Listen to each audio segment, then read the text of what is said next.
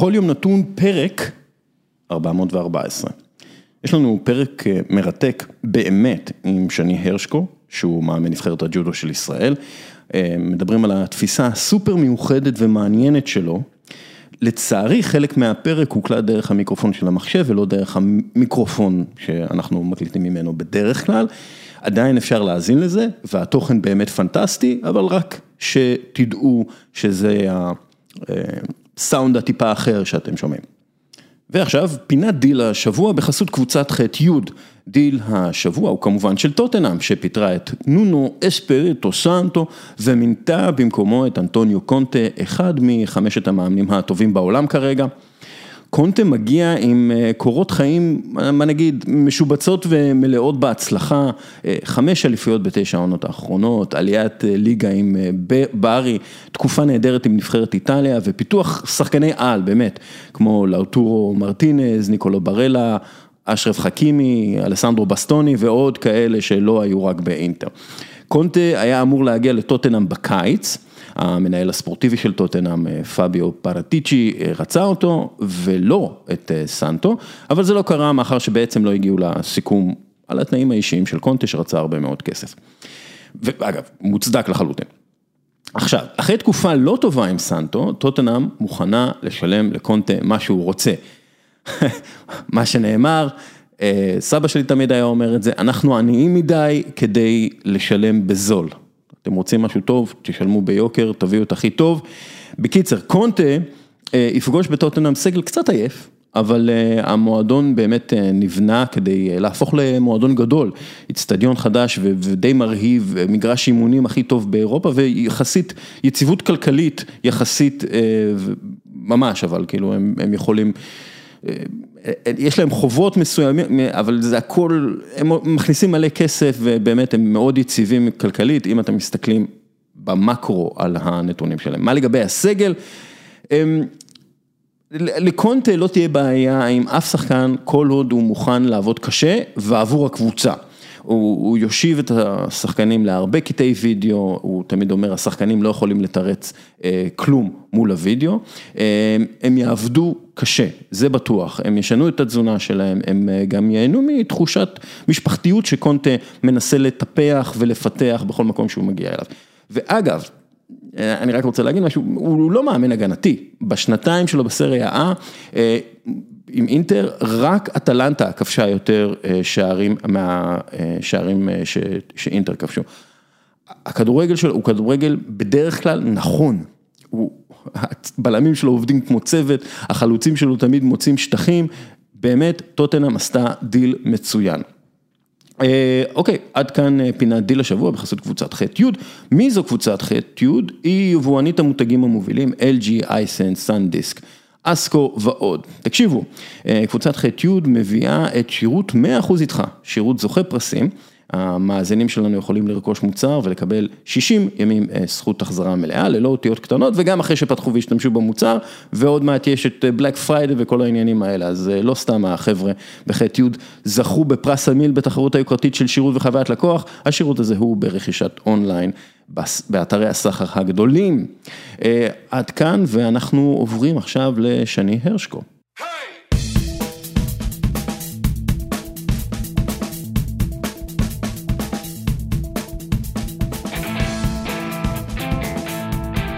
אוקיי, עכשיו, שני הרשקו הוא אחד ממאמני הג'ודו הבכירים בעולם. אימן את אריק זהבי וירדן ג'רבי, זכה בתארים אישיים וזכה ביותר מ-350 מדליות בקריירה. נכון? מודה, נכון. הנה מה שכתבתי אחרי הזכייה במדליית הארד הקבוצתית בטוקיו 2020. אורן סמדג'ה ושני הרשקו, שני המאמנים של הנבחרת, הם מאמני על שנחשבים כמאמנים בכירים בעולם. שניהם יוצאים להעביר השתלמויות גם במדינות ג'ודו מפותחות, ומביאים הרבה מאוד ניסיון, ויותר חשוב, תפיסה נדירה לספורט הישראלי, תביאו מדליית זהב או מדליה, אף אחד לא מנמיך ציפיות. אהלן. אהלן, נעים מאוד. שלום ניב נחליאלי מהאקדמיה, סליחה, מהקריה האקדמית אונו. נעים מאוד, שלום. אני אתחיל בלשאול אותך שאלה שאני שואל את כולם. מה זו מנהיגות עבורך? וואו, אני חושב שיש אה, מנהיגות שהיא למעשה, אה, נקרא לזה, חלק מהגנטיקה שלך, שזה משהו שאולי אתה, אין לך ממש השפעה עליו, והוא מובנה מהגנטיקה הגופנית שנולדת איתה, ביחד עם הסביבה שגדלת בה, ביחד עם המורשת שלך, המשפחתית או כל דבר אחר, ויש דברים שאתה כן אה, בונה אותם עם השנים. אני חושב שאני באופן אישי התברכתי במשפחה שעיצבה אותי ובנתה אותי בצורה מאוד מיוחדת כישראלי, אני בן לניצולי שואה. כל אחד הגיע ממקום אחר, אמא שלי הגיעה מהונגריה, ממשפחה מאוד מאוד עמידה, אבא שלי מרומניה, ממשפחה מאוד אה, קשת יום. אה, איכשהו בדרך לא דרך הם אה, שרדו את כל המכשולים של, ה... של מלחמת העולם השנייה, אמא שלי גדלה כנוצרייה במרתף, כי היה להם כסף, אבא שלי זרקו אותו על איזה עגלה ושלחו אותו לארץ כיתום, לא משנה, הבריטים תפסו אותו. שמו אותו בקפריסין כיתום, איך שהוא הגיע לארץ, גדל בלי הורים, רצה הגורל ונפגשו יחד.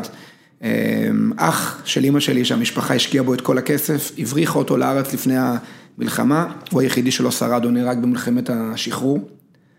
ולמעשה אני רואה את זה אצלי כמשהו שהוא אה, כבר ב-DNA שלי, שבנה אותי כמו שאני, קודם כל, הגאווה הכי גדולה שלי זה לייצג את מדינת ישראל ולא כקלישאה, זה אמיתי. כן. דבר שני, אני חושב ש... שאגב, זה, זה נכון להרבה בני דור שני.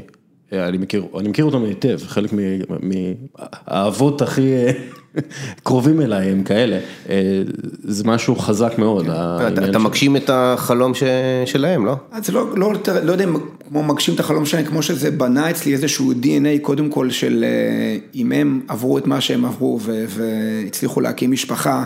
אז מה זה להתמודד עם הלחצים והקשיים של הספורט? כן. דבר שני, כמה זה חשוב שמדינת ישראל בכל אה, תחום, אה, אה, היא תגיע כמה שיותר גבוה ושתהיה הערכה שאנחנו יודעים לעשות דברים בצורה מעולה בכל תחום, והיום אני מתעסק בג'ודו, אז אני אומר, זה דבר אחד במישור המשפחתי.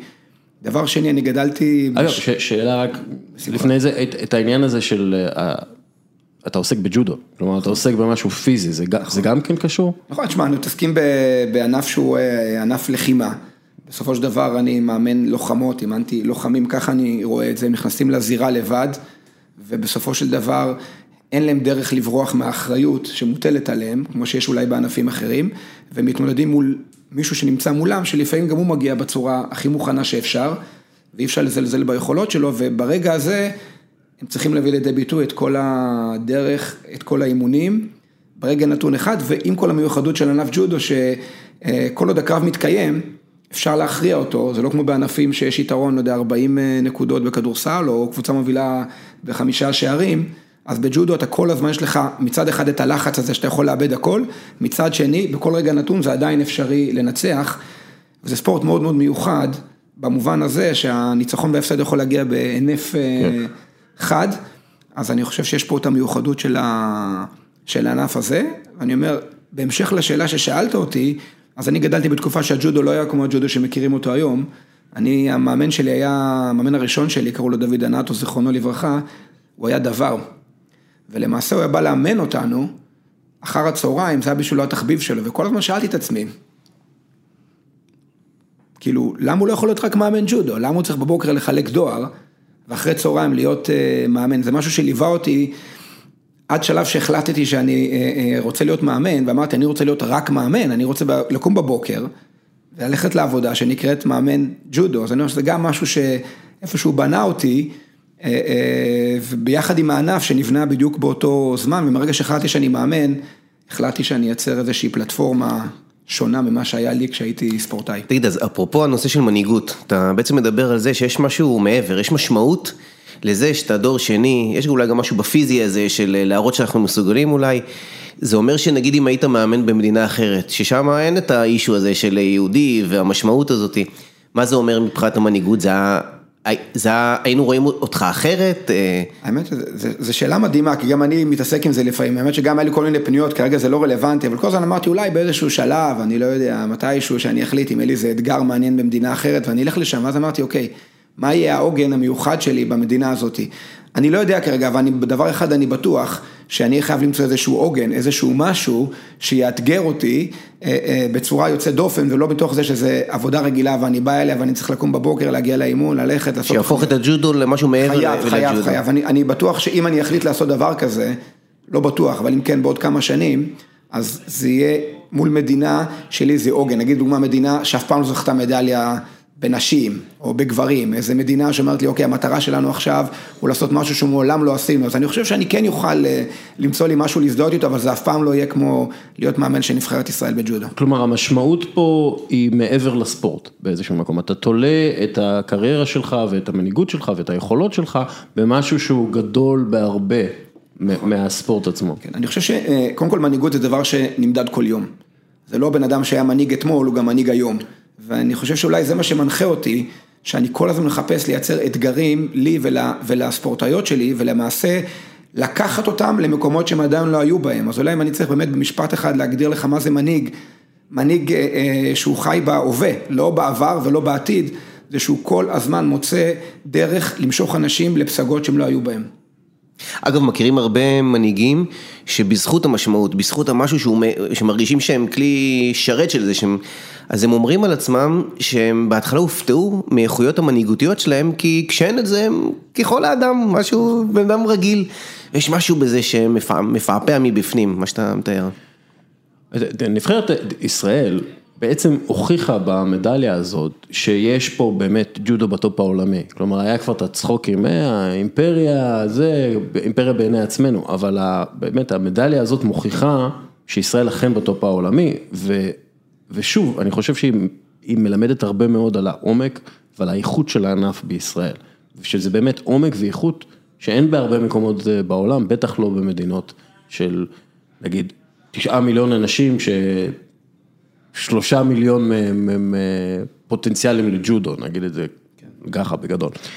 אמ, איך מתחזקים, אתה מדבר על מנהיגות יומיומית, אבל באמת איך מתחזקים רמה כזאת של אה, עומק וגם איכות?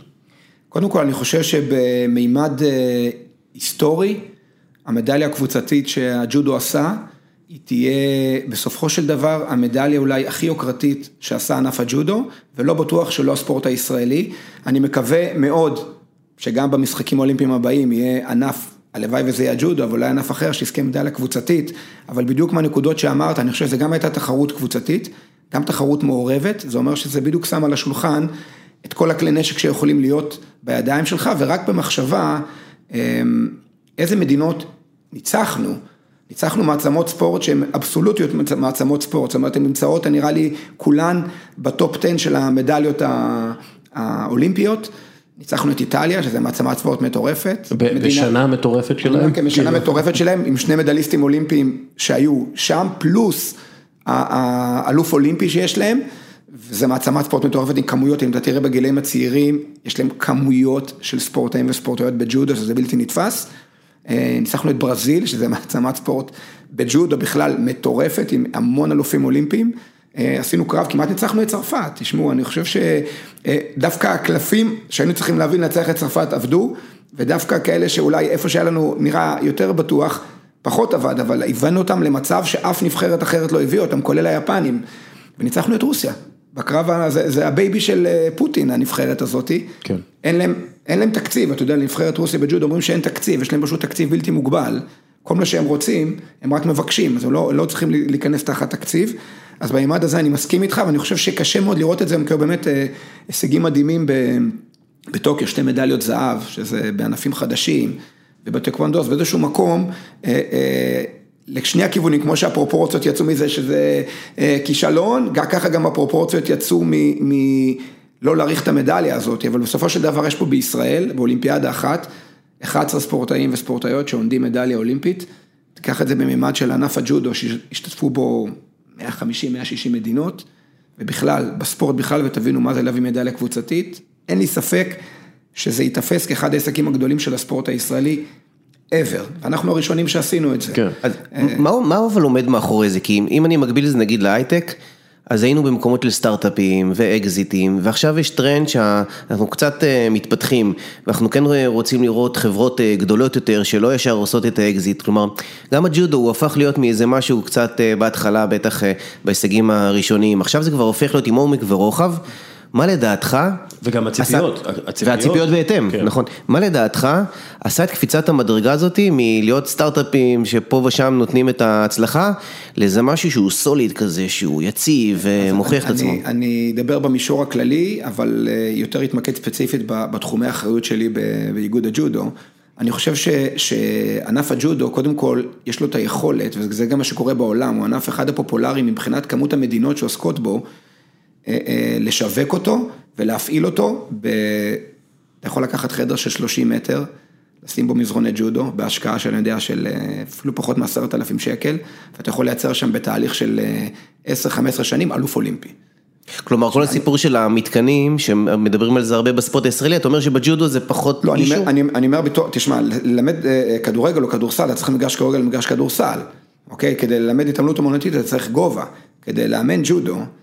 כולל אפילו ירדן ג'רבי, שאני גידלתי אותה מגיל אפס, התחיל להתאמן אצלי במקומות, שהיית מגיע אליהם, אתה אומר, לא יכול להיות שיצא מהמקום הזה ספורטאית אלופת עולם ומדליסטית אולימפית, זאת אומרת, קודם כל, מבחינת... גם גם אה, אה, אריק זאבי, זה גדל במקלט. נכון, אז כן. אני אומר, פרדס כץ. כולם, כולם, בוא נגיד, היום זה מתחיל להיות שונה, כי הג'ודו התפתח ויש גם תנאים יותר טובים והכל, אני אומר, אבל אין מגבלה בנושא הזה, גם זה לא קשור להוצאה כספית מאוד מאוד גדולה.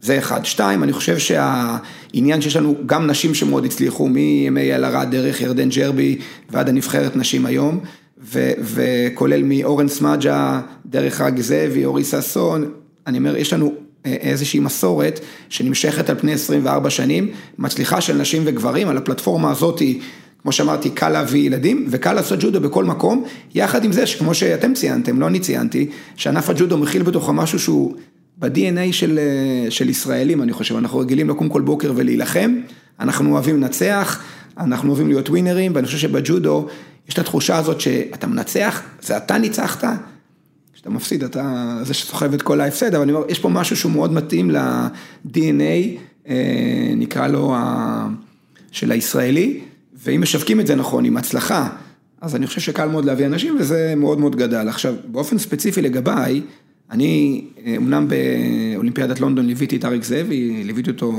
כמעט שנתיים לפני האולימפיאדה, והאולימפיאדה נגמרה בשברון לב מאוד מאוד גדול. אה, למדתי מזה המון, ואז אני באופן אישי החלטתי לעשות מודל שונה, כבר הייתה את ירדן שככה הייתה סגנית אלופת אירופה לבוגרות, ולמעשה המודל הראשון שלי נבנה על זה שירדן היא הכוכבת של הנבחרת, והיא מושכת איתה עוד ספורטאיות למעלה. ואני מבחינתי היה לי שני דברים עיקריים שעל הבסיס הזה בניתי את המודל אה, לריו. אמרתי קודם כל, עד ריו, מ-92 עד 2012, בשש אה, אולימפיאדות, השתתפו ארבע נשים. כל פעם אחת, כל פעם אחת. אמרתי, אני בריו רוצה להביא מודל של נבחרת לאולימפיאדה. לנבחרת יש כוח.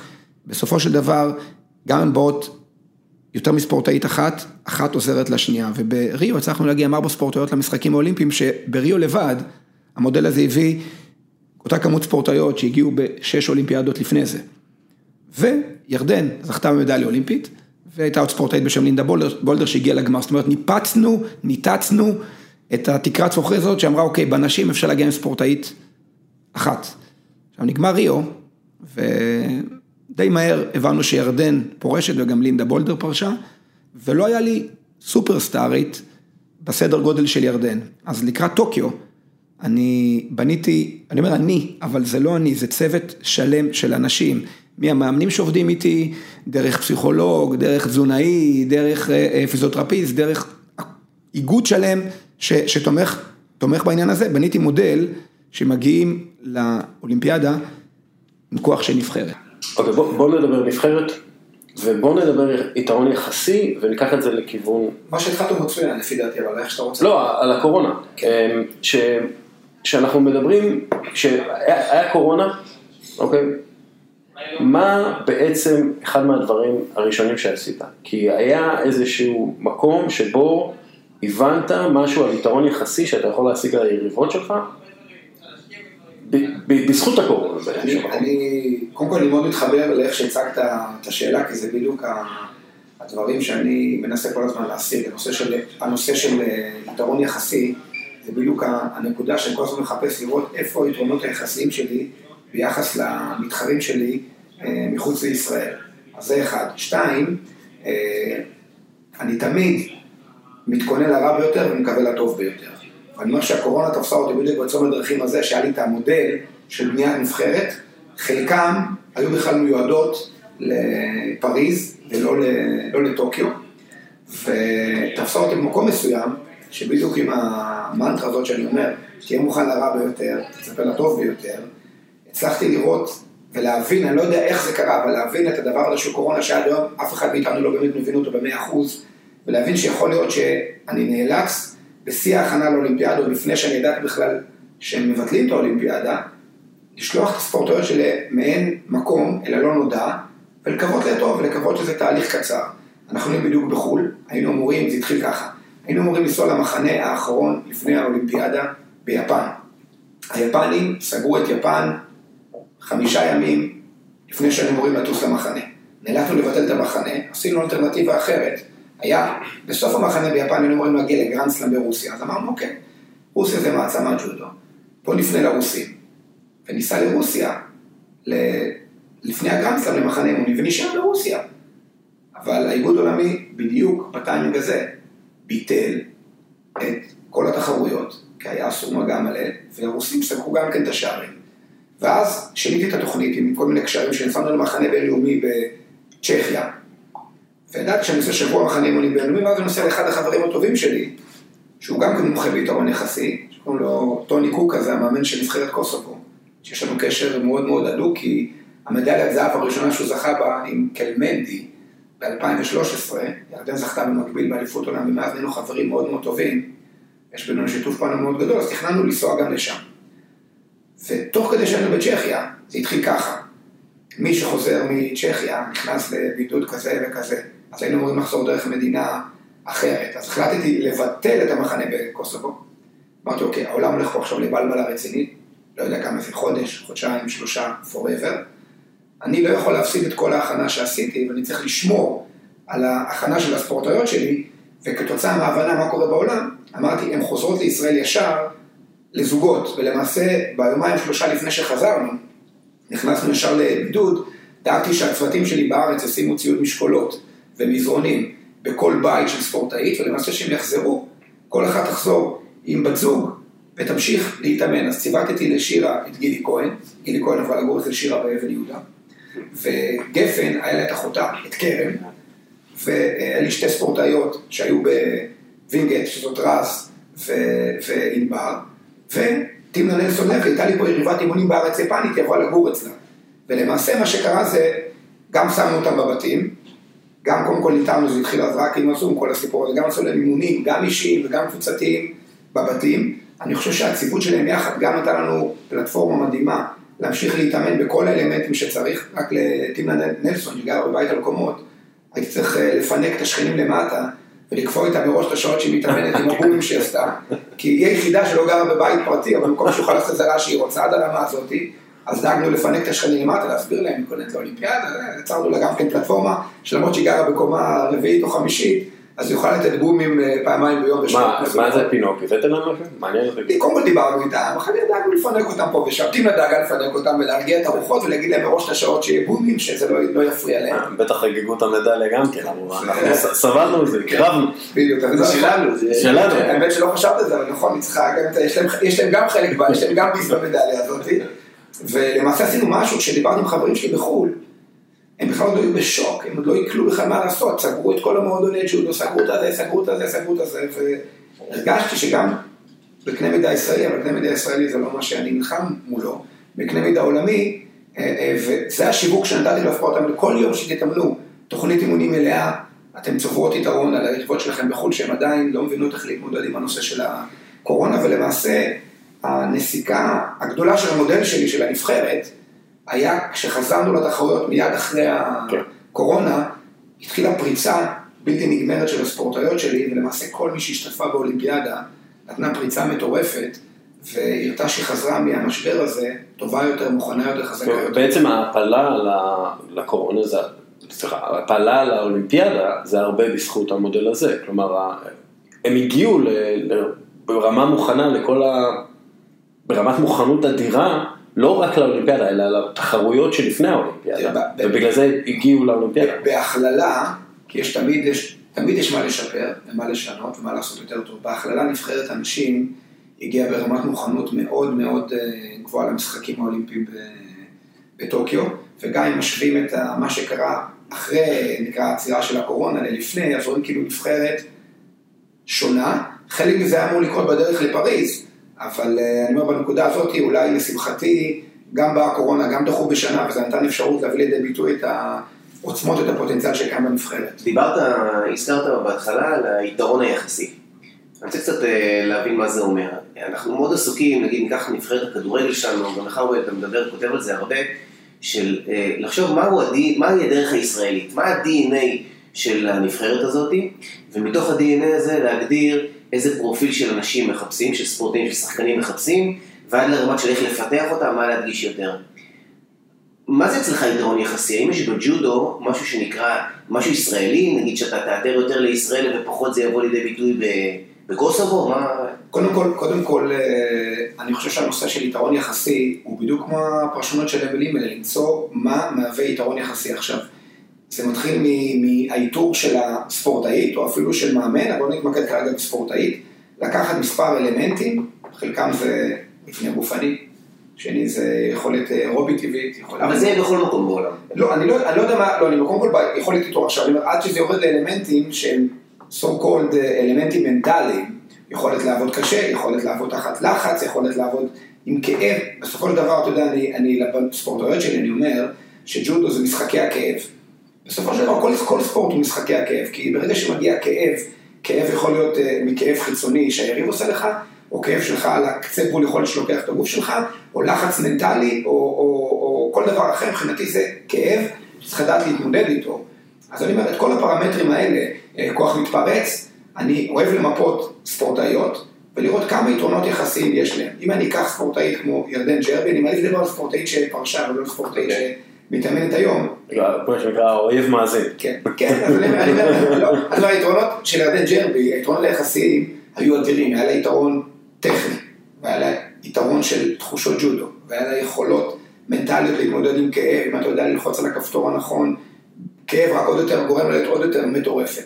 וזאת אומרת, היה לה המון המון יתרונות יחסיים, שאתה בסופו של דבר מצליח להביא ספורטאית כמו ירדן, ואם כל אה, חוקר חיצוני היה חוקר את ריו, והיה רואה שהיפנים לא הפסידו אף מדל, אף קרב על המדל, הם עשו 12 מדל מתוך 14, השתיים שהפסידו, הפסידו בסיבוב הראשון, והספורטאית היחידה שהפסידה לירדן, הפסידה, יפנית שהפסידה למדל, הייתה ספורטאית שהתחרתה מול ירדן, סטטיסטית, זה בלתי נתפס, אבל אני אומר, היתרונות היחסים של ירדן, היכולת לבנות אותה נכון למשחקים האולימפיים, להכין אותה לקרב מול היפנית הזאת, שניצחה אותה גם בעבר וגם עדיין ניצחה אותה, הוא מבחינתי שיא ההצלחה של האסטרטגיה שלי.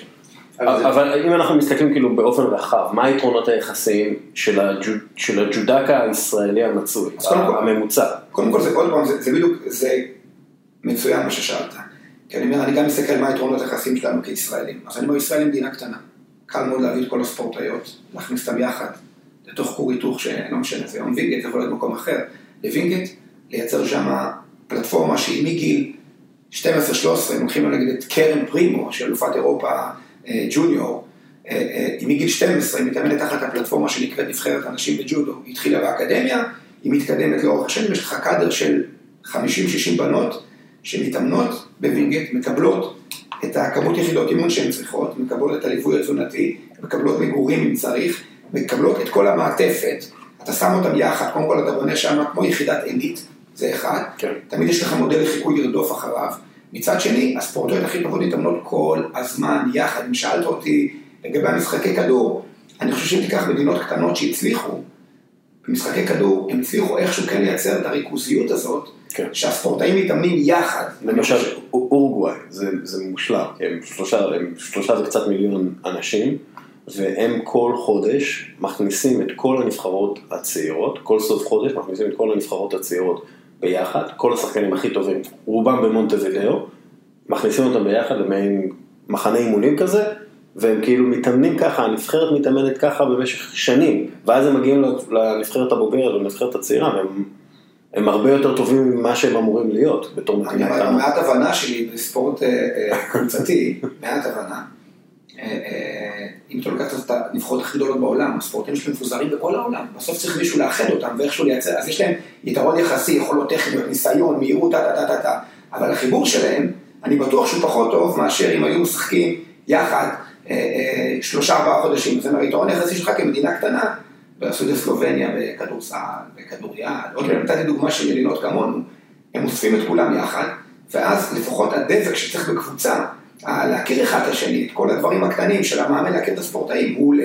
אז אני אומר, אם הייתי צריך להמליץ לספורט קבוצתי בישראל, עם כל הקושי שבזה, כי בסופו של דבר יש לך מגבלות כלכליות, איך אתה, איך אתה מספק להם את התמורה הכלכלית שהם מקבלים לא בצורה כזאת, אז אם הם בבוגרים, לפחות בצעירים, שיתאמנו כמה שיותר יחד עם, אחד עם השני. כלומר, אתה אומר מההתחלה לפתח גם את הפיתוח האישי, אבל גם להסתכל על זה ברמת הקולקטיב, לפתח גם את הביחדנס של מי שאחר כך יהיו נבחרת אני הבוגרים. חושב שבלגיה, נכון, בלגיה בכדורגל זו אולי אחת הדוגמאות הטובות. בלגיה, ספרד אימצו מודלים דומים, כאילו של פגישה חודשית, כל, כל הנבחרות הצעירות, ואז באמת הם מכירים אחד את השני מגיל מאוד צעיר. גם בארץ, הקימו, התחילו עם האקדמיה עכשיו, ההתאחדות לכדורגל, אה, שמתחילים מגיל אה, צעיר. כן, אבל זה בלי השחקנים של מכבי תל אביב, ובלי השחקנים של מכבי חיפה. וכאן והאלה. מתחיל הרעש. אתה צריך להבין, יש לי, עוד פעם נותן את הדוגמה קרן פרימו, כי באמת עשתה הישגים מדהימים, או גפן, פרימו, או ספורטאיות אחרות שקיימות בנבחרת. הם זכו להתאמן על אותו מזרון עם ירדן ג'רבי. זאת אומרת שהיא הייתה בת 12-13, ירדן עדיין התאמנה, הם היו יחד על אותו מזרון. מעניין אותי הדבק הזה שאתה מדבר עליו.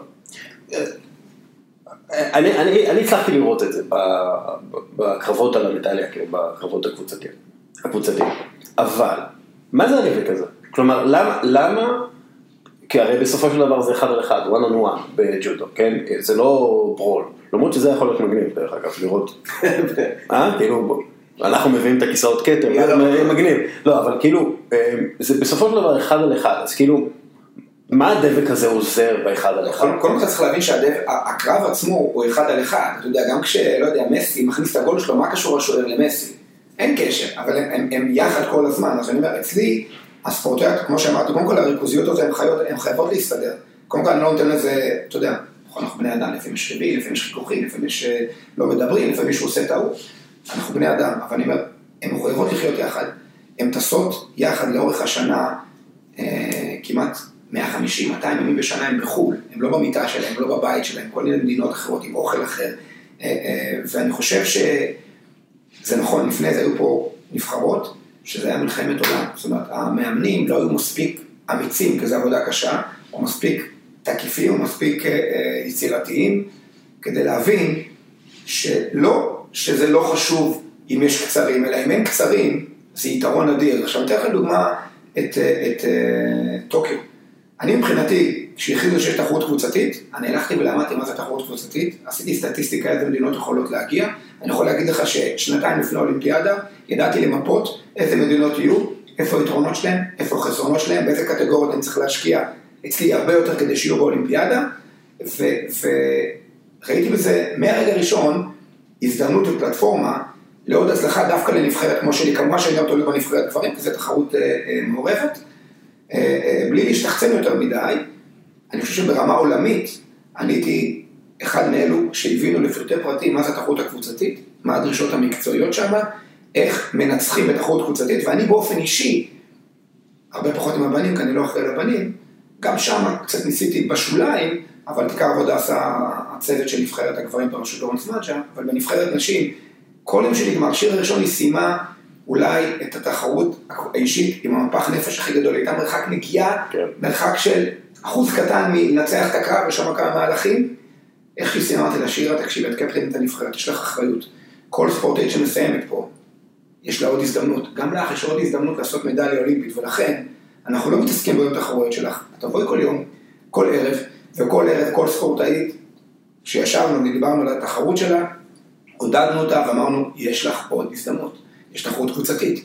גם אם את לא צריכה להוריד את המשקל, את תעזרי לזאת שצריכה להוריד את המשקל. גם אם את, אין לך בעיית שינה, תפני את החדר שלך לזאת שצריכה להתכונן לקבוצתי, ואני חושב שזה באמת התמורה הכי גדולה שיכלתי לתת לספורטאיות, הצוות שלי, זה התחרות הקבוצתית הזאת, וכל, זה, זה לא פשוט, זה לא פשוט לתת מעצמך עבור אחרות, אבל בסוף הבונוס שהם קיבלו הוא כזה גדול, שהיום אני חושב שזה כבר טריוויאלי אצלי, שבאמת, אחת בשביל כולם וכולם בשביל אחת. הדבק הזה הוא גם אה, נשים וגברים, או בעיקר דבק בנשים ודבק בגברים? ניב, אה, שאלה אני אליך, אתה לא ראית את הדבק הזה? אני, אתה יודע, אחת מהתמונות הכי מפורסמות באולימפיאדה, בכלל, לא רק מבחינה ישראלית, זה כאילו אה, תמנה על כן. הכתפיים של... אפשר לראות את זה, פטר. אבל השאלה שלי אם זה... זה הוסלל לשם. אני, אני, חושב, אני חושב ש... קודם כל אנחנו עובדים בשתי פלטפורמות שהן אה, לא עובדות יחד. זאת אומרת, אנחנו מתאמנים באותו מקום, יש מפגשים, ספורטאים רואים אחד את השני כל יום, הם טסים לחו"ל, הם רואים אחד את השני מנצח או מפסיד, זאת אומרת, יש ביניהם את האינטראקציה האישית הזאת בכל מקרה, כן. וחלקם האינטראקציה הזאת יותר טובה, פחות טובה. אגב, מה שציינת עם טימנה, האיגוד העולמי לא יודע איך לאכול את זה, בג'ודו לא עושים דברים כאלו, השופט לומדת שאומרת מה אני עושה עם הדבר הזה, אז לא יודע חגיגה ישראלית, אבל אני חושב שדיברת על הדבק, ואני חושב שהדבק שהצלחנו להביא בקבוצתי, הוא לגייס את כולם למען מטרה אחת, שכולם מרוויחים ממנה. עכשיו, היא קיימת, היא שם. פשוט, יכולת לראות את נבחרת רוסיה, שגם היא לא הצליחה בקנה מידה שקרוב, לא לציפייה שלהם ולא לדברים שהם עשו עם כל אולימפ... בלונדון ובריו, הם עושים אלופים אולימפיים, פה הם עושים בקושי איזה שתי מדליות אולימפיות, והם התרסקו. ואנחנו לקחנו את הדבר הזה, והצלחנו להפוך אותו לטריגר הכי גדול שאפשר, וזה מה שהדביק את כל החלקים יחד, למרות שהם, הבנייה שלהם, האינטראקציה ביניהם היא לא קבועה יחד, ואני חושב שגם בשבילנו זה היה כאילו משהו חדש, אנחנו לא מתחילים בקבוצה מעורבת, וכולם יאללה, בואו נעשה את זה, בואו נוכיח, וזה הדבק שהיה שם. היה פה קטע גם כן של אתה ואורן סמאג'ה זה שני אנשים שונים לחלוטין, ואתם הייתם צריכים כאילו להסתדר כמאמנים, בעצם מאמן דו-ראשי, כן, דו, דו-ראשי, כאילו עם שני ראשי. ואיך איך העבודה הזאת? כלומר, זה גם כן עבודה מיוחדת אני מאוד. חושב, אני, אני גם מחזיר את זה ל-DNA אולי של, ה... של יהודי, של ישראלי. אתה יודע, שני אנשים, אחד בורח ממחנה הזה, אחד במחנה הזה, נפגשים ביער, הם עוזרים אחד לשני, כי הם יודעים שהם אה, בסופו של דבר כן. אה, אה, תלויים אחד בשני, ואחד ועוד אחד זה לא שתיים, זה שלוש, ואני חושב שזה כאילו בא לנו באופן, באופן טבעי. וגם סמאג'ה סופר פטריוטי, כאילו, נכון, גם כן מגיע משם. זה בא לנו באופן טבעי, עם התלכיד הזה של הספורטאים יחד, עם היושב ראש שלנו, משה פונטי, אני חושב שהצלחנו לעשות איזה תלכיד מטורף, שבסופו של דבר הביא את הפוטנציאל שלו ב-100% למזרון, ואולי אפילו קצת יותר.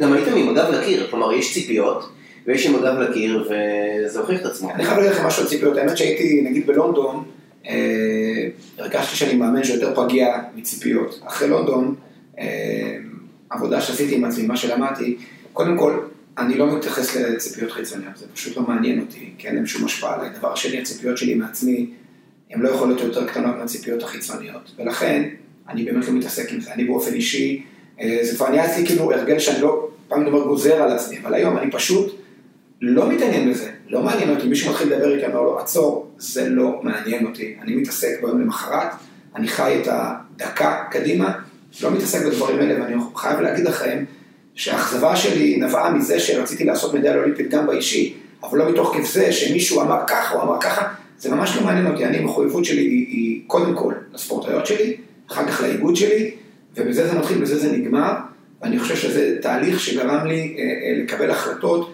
שהן רציונליות ולא החלטות שהן אה, מבוססות על רגש. הן מבוססות רגש או אגו בעצם. כן, תקרא, אגו זה סוג של, כן. אה, של רגש, ואין ספק שכשאתה מצליח, אז אתה כאילו אומר, כאילו זה, זה כן מרים אותך קצת לאיזשהו מקום, ואתה אומר, אה, אה, עשיתי משהו, נגעתי במקום שאחרים לא נגעו. אני חושב שזה מה שמוביל אותי, ולא הקטע של, אה, אמרו שאני לא אצליח, אז הצלחתי. זה, אני, אני לא בונה את המוטיבציה שלי מהדברים האלה, אני בונה על זה תחרות קבוצתית. מה שלא יעשו, הענף הראשון שזכה במדליה קבוצתית מעורבת יהיה forever הג'ודו, בואו נעשה את זה, ולא אמרו שנכשלנו אז בואו תוכיחו. אני כאילו מבחינתי זאת התפיסת עולם שלי, לבנות את זה מתוך מוטיבציה חיובית ולא מוטיבציה שלילית, ואני רוצה להאמין שגם הספורטאיות שלי חושבות כך ופועלות ככה. אני רוצה לעבור למשהו, אה, שאלה מגדרית, אוקיי? אה, אתה גבר, אתה מאמן נשים, אה, איפה, יש איזה יתרונות, יש איזה חסרונות, מה אפשר גם ללמוד מזה בניהול של גבר נשים, או הפוך, אישה שמנהלת גברים, לא? אי אפשר, אתה יודע, זה מאוד חושב- כל אחד סיפור. אני חושב שאנחנו כעולם גברי, יש לנו המון מה ללמוד מנשים. ואני באופן אישי, המילה אוהב לאמן יותר נשים, אני אני אוהב לאמן ספורטאים טובים, אני אוהב לאמן ספורטאים שמגיעים לתוצאות וגם האמנתי גם גברים מאוד מאוד טובים. אני חושב שההבדל המהותי בין אימון נשים לאימון גברים, זה שלטוב ולרע, הזיכרון של נשים הוא ארוך יותר בכל מה שקשור לנושא רגשי. ואם אצל גבר עשית טעות ואמרת זו מילה לא במקום, למחרת הוא כבר שכח את זה. אצל נשים יכולה פתאום אחרי שנתיים להגיד לך, אתה זוכר את זה, אמרת ככה וככה וככה. מצד שני, יש לזה אה, יתרון מאוד מאוד גדול, והצד השלישי הוא שהפידבק והפרגון שאתה מקבל מנשים, כשאתה עוזר להם להשיג משהו, הוא גדול. אני עוד לא נתקלתי בגבר שידע לפרגן לי כמו שספורטאיות מסוימות בנבחרת מפרגנות לי, וזוכרות לי את הרגעים הגדולים שהגענו אליהם אה, יחד, ואני באופן אישי, אני, זה, אני לך משהו, אני הרבה יותר, אה, אה, הרבה יותר משמעותי מבחינתי לאמן נשים, ואני הרבה יותר נהנה לאמן נשים? בדיוק, על- אני אומר, בדיוק- בדיוק על הדברים אבל האלה, אני חושב שמצד אחד זה, דורש ממך להיות יותר חד, יותר מדויק, לחשוב אלף פעמים קדימה מה כל אות שאתה אומר תעשה, אבל מצד שני אם אתה מצליח לקחת אישה ולהוציא אותה ממשבר, ממשברים, לעבור איתה דרך מאוד מאוד ארוכה, היא תאריך את זה לא רק בחודש הקרוב, היא תאריך את זה לכל החיים שלו. כלומר, הרגישות שלך לאחר, היא מקבלת משנה תוקף אצל נשים, וזה אולי אחד המפתחות שלך להצלחה. כן, אני חושב, ש, אני חושב שהרבה יותר קל, במובן הרגשי, אה, הרבה יותר קל גברים. זה מכשיר הרבה יותר פשוט מאשר אה, נשים. מצד שני, המכשיר הזה שנקרא נשים, נותן לך פידבק אה, אה, שונה לגמרי מגברים, וזה לטוב ולרע, כן, זה לטוב ולרע, כי אם אתה עושה טעויות אז אתה... אני אומר, אני, אני באימון נשים מאוד משתמש בזה, ואני אדבר על זה כי שירה ציינה את זה.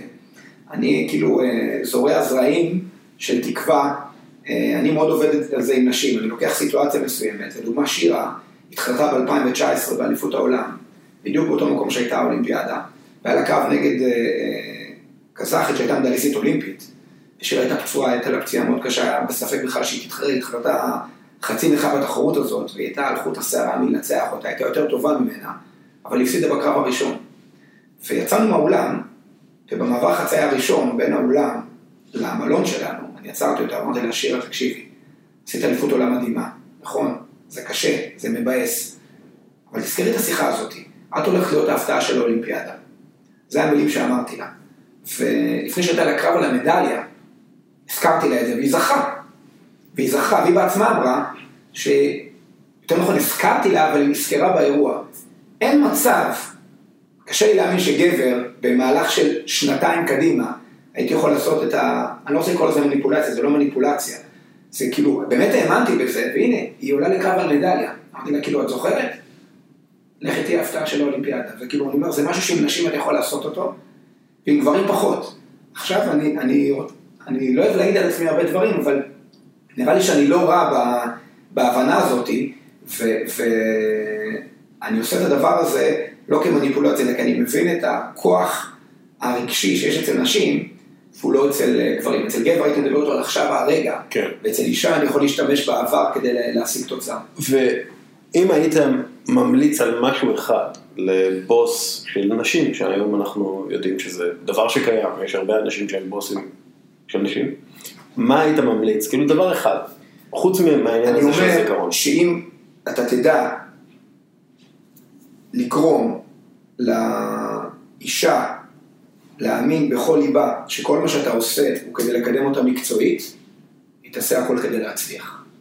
מצד שני, אם ברגע אחד היא תחשוב שעשית משהו שהוא אה, חס וחלילה לפגוע בו באופן אישי, או שהעלבת אותה, אתה יכול בשנייה אחת להרוס הכל. זאת אומרת, אם יש לך את היכולת, את הסנסור הזה, להבין שיש לך כלי שהוא הוא הרבה יותר משתמש ברגש, ולכן אתה צריך להיות יותר זהיר איתו, אז, והיא תאמין, אני כל הזמן אומר לספורטות שאני אולי אעשה טעויות, אבל אני נמצא שם כדי למקסם את הפוטנציאל שלכם בכל רגע נתון. תדעו לכם שגם נפגעתי ממני, גם אם עשיתי משהו שלא נראה לכם, מאחורי יש מאמן שרוצה שתצליחו. עכשיו, בדיבורים זה קל, אם הן מאמינות בזה, אתה צריך גם להוכיח את זה בהרבה צמתים. יש לך מישהי שתרוץ איתך, ואני אומר לכם, נשים יודעות להתמודד עם כאב, עם דרישות מקצועיות מטורפות, יותר טוב מגברים. טוב, הן יולדות, זה משהו שאנחנו לא עושים. גם לפני שהן יולדות. אבל איך, כאילו, מה הדברים שאתה עושה, כלומר ברמת השטח, מה, איזה, איך אתה מייצר אמון כזה אצל, אצל אישה, אצל גבר, איך כאילו... קשה, מאוד להגיד את זה, זה תהליך, זה תהליך, זה תהליך, הבניית האמון הזאת, כי אני, אני באיזשהו מקום, כדי להפוך אותה לקשוחה יותר, רגשית נקרא לזה, אני צריך לגרום לה לעשות דברים שהם לא נעימים, הם כואבים לה, הם, הם, גם, אגב, גם בגברים בג'ודו, זה לא רק בנשים, אז אני אומר, זה כאילו, יש פה איזה... דבר מנוגד אחד לשני, מצד אחד אני צריכה לסמוך עליה שאני רוצה את הטוב ביותר בשבילה, בכל רגע נתון, מצד שני אני שולח אותה לתוך האש ואני לוחץ עליה, אני קורא לזה כל הזמן המאבק בין ההיגיון לרגש, אצל נשים, כאילו אני אומר זה יותר בולט אצל נשים, ההיגיון אומר, כואב לך, אתה עלול להיפצע, תעצור, מישהו עושה לך רע, תברח, אני מלמד אותה בדיוק הפוך, אני הייתי לפני איזה שנה בהרצאה של מישהו מהשב"כ, הוא אומר כאילו, הפעולה שאנחנו עושים, שהוא... אה, כשיש יריות, אנשים בורחים. אני כשיש יריות, אני קופץ על הכדור. עכשיו זה באינסטינקט שלך, אתה שומע יריות, תברח. איך אתה מאמן מישהו ששומע יריות, לקפוץ על הכדור ולספוג את הכדור, אה, אה, במקום לברוח ממנו, כדי שמישהו אחר לא ייפגע. זה בערך אותו דבר. נראה לי מגע, כן. צריכים... אז אני אומר אצלנו, אין, אתה לא יכול, אי אפשר, אני אומר, אין garbage time בקרב ג'ודו. אתה לא יכול לעשות קרב ג'ודו לאט, אתה לא יכול לעשות אותו לא אגרסיבי, אתה לא יכול לעשות אותו, בוא ננוח. כי זה... אין בונקר, אין בונקר.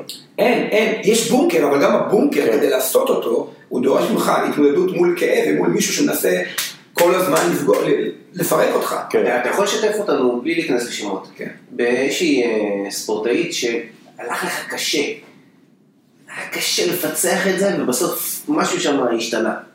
בגישה שלך אליה, אולי עשית איזושהי טעות מסוימת, משהו שלא בא לך בטבעי קצת אה, לשים לב למה שאני אומר. קודם כל זה קורה המון, זה קורה לי גם עם הספורטיות. אה, אני יכול, אני יכול עוד פעם לדבר, אני אדבר עוד פעם על, על, על ירדן, אבל זה לא רק ירדן. אני עם ירדן בסוף פברואר 2016 עשיתי טעות. בדיעבד אולי זו לא הייתה טעות, אבל אה, לא משנה, עשיתי איזושהי פעולה, דרשתי ממנה לעשות משהו בתחרות, שהיא נפצעה, ולא הבנתי עד הסוף את הפציעה שלה, והכרחתי אותה לעלות לקרב פצועה, היא מאוד מאוד כעסה עליי. יכול להיות ש... כנראה שבצדק מבחינתם. ולא הייתי, לא הייתי שלם עם זה אחר כך, והיה בינינו איזשהו, אה, אה, בדיוק בנקודות האלה, כי בדיוק בנקודות שאומרים לכם, צריכה לדעת שאני, אם אין ברירה, אז אין ברירה, אבל אם יש ברירה, אני אגן עליה, ואני לא אתן לה לעשות משהו שעלול לסכן אותה. הייתה שם טעות, לא טעות גדולה, מבחינתה טעות ענקית, והיא מאוד מאוד נפגעה, מאוד מאוד נפגעה ממני. אבל אני חושב שהעוגנים שבנינו לאורך השנים, אה, גרמו לזה שהיא תבין שגם כשהחלטתי שהיא תעשה את זה, הכוונות שלי היו כוונות טובות. כי אני אמרתי לעצמי, אוקיי, זו אחת התחורות האחרונות לפני אולימפיאדה. אולי באולימפיאדה הייתי פצע, היא צריכה עוד להיפצע. עכשיו חשבתי שהפציעה הזאת היא הפציעה בצלעות. היא לא כל כך חמורה, זו פציעה שקשה לראות אותה בזמן אמת, וגם אין סיכון שזה יעשה איזה החמרה, זה לא, אתה יודע, רצועות בברך או כתף או זה. בדיעבד זו הייתה טעות שאני הפסיד את הקו על המדליה, והיה לנו פיצוץ מאוד מאוד גדול, אבל העוגנים שבניתי לאורך השנים, אני חושב שהם מאוד מאוד עזרו שם. ואני יכול להגיד לכם שני דברים, דווקא מריו, שלפני שהגענו לאולימפיאדה, היה לנו הסכם, באולימפיאדה עושה כל מה שאני אומר לה. מצד שני, כל בעיה שיש יכולה לבוא אליה, ואני תמיד אה, אה, אתן לה מענה. אז קרו שלושה דברים באולימפיאדה. אני אתחיל מהאחרון, לפני שהייתה לקו על המדליה, הכנתי ודיברתי איתה, ואז היא אמרה לי, אני מוכנה, לא צריך לדבר איתה. היא הייתה מוכנה, לא הייתי צריך להכין אותו, לא צריך כלום, זאת מבחינתה היא ידעה לאיזה קרב היא עולה, היא הבינה שהיא עשתה את כל מה שצריך כדי להצליח בקרב הזה, ובאמת הקרב שלה למדל היה קרב מטורף. כל הקרבות של היפנית הזאת לפני האולימפיאדה, כולל באולימפיאדה שהפסידה בחצי גמר בניקוד זהב לקלריס, שהיא הייתה הדבר הכי פונומנלי באולימפיאדה, ירדן פשוט ריכה אותה בדיוק לפי תוכנית הקאפ, למרות שזרקו אותי מהכיסא, אז מבחינתי היה התחושה הכי טובה שהרגשתי עם ספורטאית. גם אני פעם ראשונה בקרב על מדליה אולימפית, הספורט אומרת לי, לא צריך לדבר, אני מוכנה. דבר שני, ירדן הגיע אליי, היה לחץ מאוד גדול על המשלחת, היה לנו יומיים ראשונים מאוד מאוד קשים. ביום השלישי שגיא התחמה, והיא למעשה ביום הרביעי, והיא אמרה לי, עשינו סימולציה פעמיים בברזיל, אני חייבת לצאת מהכפר האולימפי, יש חוף ים שאני חייבת ללכת אליו. המאבטחים לא מסכימים. אמרתי לה, תקשיבי, יכול להיות שאם לא היית עושה מדע אולימפית הייתי נמצא במקום אחר. אמרתי לה, תקשיבי, צאי, הכל אצלי. צאי. ונתתי ללכת למקום שהייתה רגועה שם, שמרגיע אותה. לקחתי סיכון, לקחתי סיכון מאוד מאוד גדול. כאילו סיכון ביטחוני. אני לא לא נעים להגיד ככה, אני אגיד לכם את זה קוריוז, אבל הבן אדם היחידי שבריו אה, שדדו אותו, וזה, זה היה אחד המאבטחים, אבל לא משנה, זה סיפור אחר, מצא לחוף ים ועשו לו איזה מלכודת אה, קטנה, אבל לא נרחיב על זה, אני לא רוצה לפגוע, חבר'ה מדהימים, הם עושים את העבודה שלהם, אבל אני צריך לעשות את העבודה שלי, בדרך כלל זה הולך יחד, במשחקים אולימפיים לפעמים יש בעיה, לקחתי את ההחלטה הזאת. דבר נוסף לירדן, היה roommate קבוע, זאת הייתה גילי כהן, ולינדה הייתה ישנה עם שירה. וגם בעקבות שירדן באה אליי, וגם שיחה שעשיתי עם היושב ראש שלי, הבנתי שבגלל שבאולימפיאדה, זה לא כמו תחרות רגילה, אתה יודע, אתה מפסיד באיזה גרנדסלאם, אתה אומר, אוקיי, עוד חודש עוד גרנדסלאם, אתה מפסיד באליפות עולם, אתה אומר, שנה הבאה. אולימפיאדה, רוב הספורטאים מגיעים. פעם, אחת, ואולי יש להם סיכוי להתקרב להצלחה. וראיתי שהמצב של שירה, שהפסידה בצורה מאוד מהירה, אה, לא ניכנס פה לדברים השיפוטיים פחות חשובים, וגילי כהן גם כן שהובילה ספורטאית שהיא הייתה פייבוריטית מובהקת שם, והסיפורים הבנים, גולן פולק וזה, ושגיא, אמרתי, זה לא טוב לי, משהו לא טוב לי. ויום לפני האולימפיאדה עשיתי שינוי בחדרים, ואמרתי לשירה ולגילי שהן עוברות להיות יחד, כי מבחינתי אני לא רוצה ספורטאית שסיימה עם ספורטאית שעדיין יש לה מה לעשות.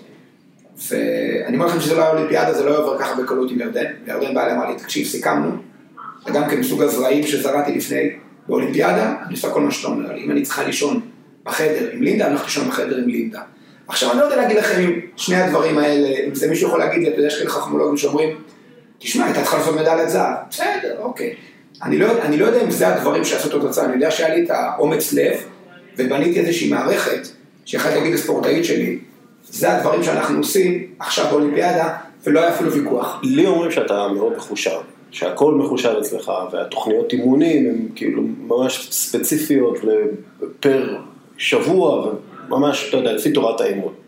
אבל פה אתה מקבל החלטה אינטואיטיבית לחלוטין, לא? אני אגיד לך, אתה כנראה קיבלת מידע ממישהו שמסתכל מהצד, לא מהבפנים. קודם כל, אני עוד פעם אומר, יש... אה, כמובן, כי לא לא, קיבלתי לא, מידע. אני אני רוצה להמצא לזה משהו. אני, במה שקשור לאימון, אני, הרבה פעמים, אתה יודע, אני מתחיל את האימון, יש לי, יש לי היגיון מסוים, איך אני מכין את הספורטאים. את האימון עצמו, אני מחליט בין ה-30 דקות לפני שהאימון מתחיל, כשאני מגיע למתקן, מסתכל מסביב, ככה רואה מה קורה, גם זה הזמן הכי טוב שאני יכול לראות עם איזה מוד ספורטאית מתחילה את האימון, היא באה בראש טוב או לא באה בראש טוב, וזה הרבה פעמים מקומות שאני מצליח לתפוס ספורטאית, או לתת לה את המוטיבציה, או לא לשלוח אותה למקום אחר. ולפעמים באים אליי הצוות שאומר לי, תקשיב, מה עושים היום? אני אומר להם, עוד לא החלטתי מה עושים היום. עוד לא החלטתי מה עושים היום. יש לי את ההיגיון, זה מדבר תכלס בשטח. מצד שני, כל הדברים שקשורים, אה, אה, מבחינתי הם דברים מתמטיים, מתמטיים לחלוטין. זאת אומרת, לדעת מה התוכנית, באיזה מצב אני רוצה להביא את הספורטאית שלי, באיזה תחרות יש לה הסתברותית סיכוי יותר טוב להצליח, מה שווה כל תוצאה, מה יהיה הקריטריון האולימפי, איזה מדינות, איך הן עובדות, לעקוב אחרי מדינות אחרות, להבין את האסטרטגיה שלהן, זה דברים שאני משקיע המון המון עבודה כדי שיהיה לי יתרון יחסי על מדינות אחרות. אז צריך להבדיל בין הדברים שהם אה, גם בנויים על אה, נושא רגשי ומצב גופני ודברים כאלה ששם אני עובד המון לפי אינטואיציה, ולבין הדברים המובנים בשטח, שאותם כן, אני כן עושה אותם, בדיוק כמו שאמרת, אני רואה בזה יתרון, אני אומר, אם אני יכול להיות מוכן להגדרה חדשה של קריטריון אולימפי, או אה, אה, איך מגיעים לאולימפיאדה, באיזה מצב, כמה מהר אני רוצה שספורטית כבר תהיה בטוחה באולימפיאדה. אה, כל הנושאים האלו, אני עושה מאמצים מאוד מאוד גדולים כדי לעשות אותם בצורה מדויקת. האינטואיציה הייתה שם לפני התכנון והעבודה הקשה, או שהיא היא נצברה על העבודה הקשה והתכנון והניסיון? אתה יודע, אתה מדבר עם כל מיני חוקרים של אה, ספורט הישגים לך, אין דבר כזה אינטואיציה, כמו שאתה תמיד אומר, היד החמה בכדורסל וזה. אני, אני אומר לך שאני באופן אישי, אינטואיציה זה לא ניחוש. כן. כשאני אומר אינטואיציה זה לא ניחוש. אני מתבונן, אני גם עושה פה, אני תואר במדעי ההתבוננות. אני מתבונן על הספורטאית, אני מכיר אותה, עד רמה שאני יודע את השפת גוף שלה, מה היא משדרת. זאת אומרת, הוא יכול לבוא בבוקר, אני יכול לדעת מראש אם קרה משהו, אני לא יודע בטוח שאני יודע מה, אבל קרה משהו, זאת הרמה שאני מסוגל לזהות. אצל הספורטאי שלי, עוד בתוך כדי אימון, היא הולכת זזה בצורה שונה, אני יודע שקרה משהו, שזה זה אינטואיציה שהיא מבוססת על ניסיון ועל יכולת לראות, אז זה לא ממש אינטואיציה, אני לא יודע איך להגדיר את זה. גם במחקרים על מורכבות, כשמדברים על אינטואיציה, זה על בסיס ידע, בסיס מוצק. נגיד אם אני אינטואיטיבי, כן, בג'ודו, אז זה ילך למקומות כנראה לא, לא נכונים. אינטואיציה חייבת להיות על בסיס משהו אה, משמעותי, וזה מאוד מתחבר מה שאתה אומר. זה, זה אגב אה, מתחבר להרבה מחקרים שעשו למשל עם אחיות. אחיות מזהות את המחלה יותר טוב מהרופאים הצעירים שאיתם. כן. אחיות כאילו ותיקות יודעות, "לא, הילד הזה יש לו משהו חמור יותר ממה שאתה חושב. והן יודעות לזהות את המחלה יותר טוב בגלל שנים של ניסיון במצבים האלה, בסיטואציות האלה, וזה, וזה משהו מאוד, זה כאילו זה מן הסתם זה מגיע עם המון ידע, אבל זה מזכיר לי מאוד את מה שאתה אומר, בעצם אתה יכול לזהות משהו לפי כל הניסיון והידע שיש לך. אז אני, אומר שזה זה כאילו, אני עובד בשני, יש כאלה שבאמת, הרבה שוברים את זה, יודעים עליי, כאילו אני, במרכאות גרמני, כאילו בניתוח שלי של הדברים שהם מתמטיים, אבל בדברים שהם לא מתמטיים, אני ממש לא כזה, וההפך, כשאני רואה מאמנים, שבאים עם דף מה עושים באימון ועושים, זה כאילו, התוכנית לא חשובה, היעד חשוב והספורטאי חשוב. אני בדיוק ההפך, אני אומר שהתוכנית בשטח היא סוג של פלטפורמה להבין לאן אתה רוצה להגיע, אבל המציאות יותר חזקה מכל, אה, מכל תוכנית, אני חושב שאני משלב בין שני, בין שני הדברים האלה. שאלות, שאלות אחרונות, כי אנחנו כבר שעה, אוטוטו. אולי רק נמשיך את הנקודה האחרונה. אה, יש מאמנים שהם הם או מאוד שיטתיים, או כאלה הולכים לפי פילינג כזה, אינטואיציה, ואתה משלב בין הדברים, ומשיחות שיש לי עם מנהלים ומאמנים ומנהלים, בעצם הסתירות הפנימיות בין להיות מתודי, שיטתי, לפי התכנון, לבין לפעול לפי הרגש וברמת הרגע, מייצר הרבה מאוד אה, מתח פנימי, כי הקונפליקטים הם פנימיים בתוך. אז אחד, האם אתה חווה את המתחים האלה בין הסתירות האלה מנוגדות פנימה, ואם כן, איך אתה מתמודד עם זה? קודם כל היום פחות. אני חושב שבאמת זה ניסיון, היום פחות. פעם כאילו היה לי איזושה, איזושהי תוכנית שבאתי איתה, ובפועל הספורטאיות לא יכלו לעשות אותה, זה היה מאוד מתסכל אותי. היום למדתי שבסופו של דבר אני צריך בכל רגע נתון למצוא את התוכנית שתוציא את המקסימום מהספורטאית, ולא להפך, לא למצוא את הספורטאית שתוציא את המקסימום מה, מהתוכנית.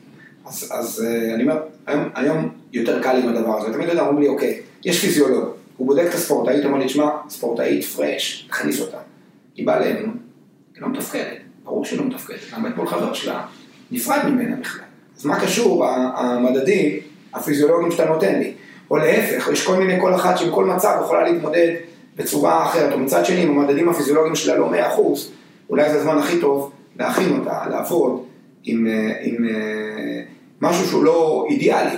אז אני אומר, זה, אני, השילוב של כל הדברים האלה, אני למדתי להבין היום שדווקא כשיש את הקונפליקט הזה, אני כן צריך להיות אה, אה, אה, רגוע, קודם כל, קודם כל הבחנתי בו. אם אני רואה את הקונפליקט הזה, זה אומר שהצלחתי, הסנסורים שלי קלטו שיש התנגשות בין התוכנית לבין המצב של הספורטאית. הרבה פציעות, הרבה תסכולים, הרבה אה, דיכאונות קורים כשאנשי מקצוע לא רואים את הקונפליקט הזה.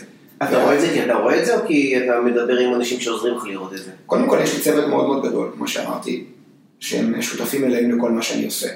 מהמאמנים שעובדים איתי עד אה, אחרון אנשי צוות ש, שנמצאים שם, כולל מי שעוזר לנו לנקות את האולם בווינגייט, כולם חלק מהדבר הזה של להוביל את הספורטאיות האלה למדליות אולימפיות, להישגים אה, הכי גדולים, ואני אומר עוד פעם, כשאני אומר אני, אני מתכוון יחד עם הצוות. כן, אני מנהל את הצוות, אני מתווה את המדיניות, אני זה שמנסה אה, אה, לקבל את ההחלטות הקשות והמסובכות יותר, בשביל זה אני נמצא שם, אבל זה, זה כולנו יחד. ו- ואני חושב שהמערכת הזאת צריכה לייצר פלטפורמה כזאת, שברוב הזמן צריכים, מצליחים אה, אה, להבין את הדרישות ממני, ולא קל לחיות איתי כמאמן וכ...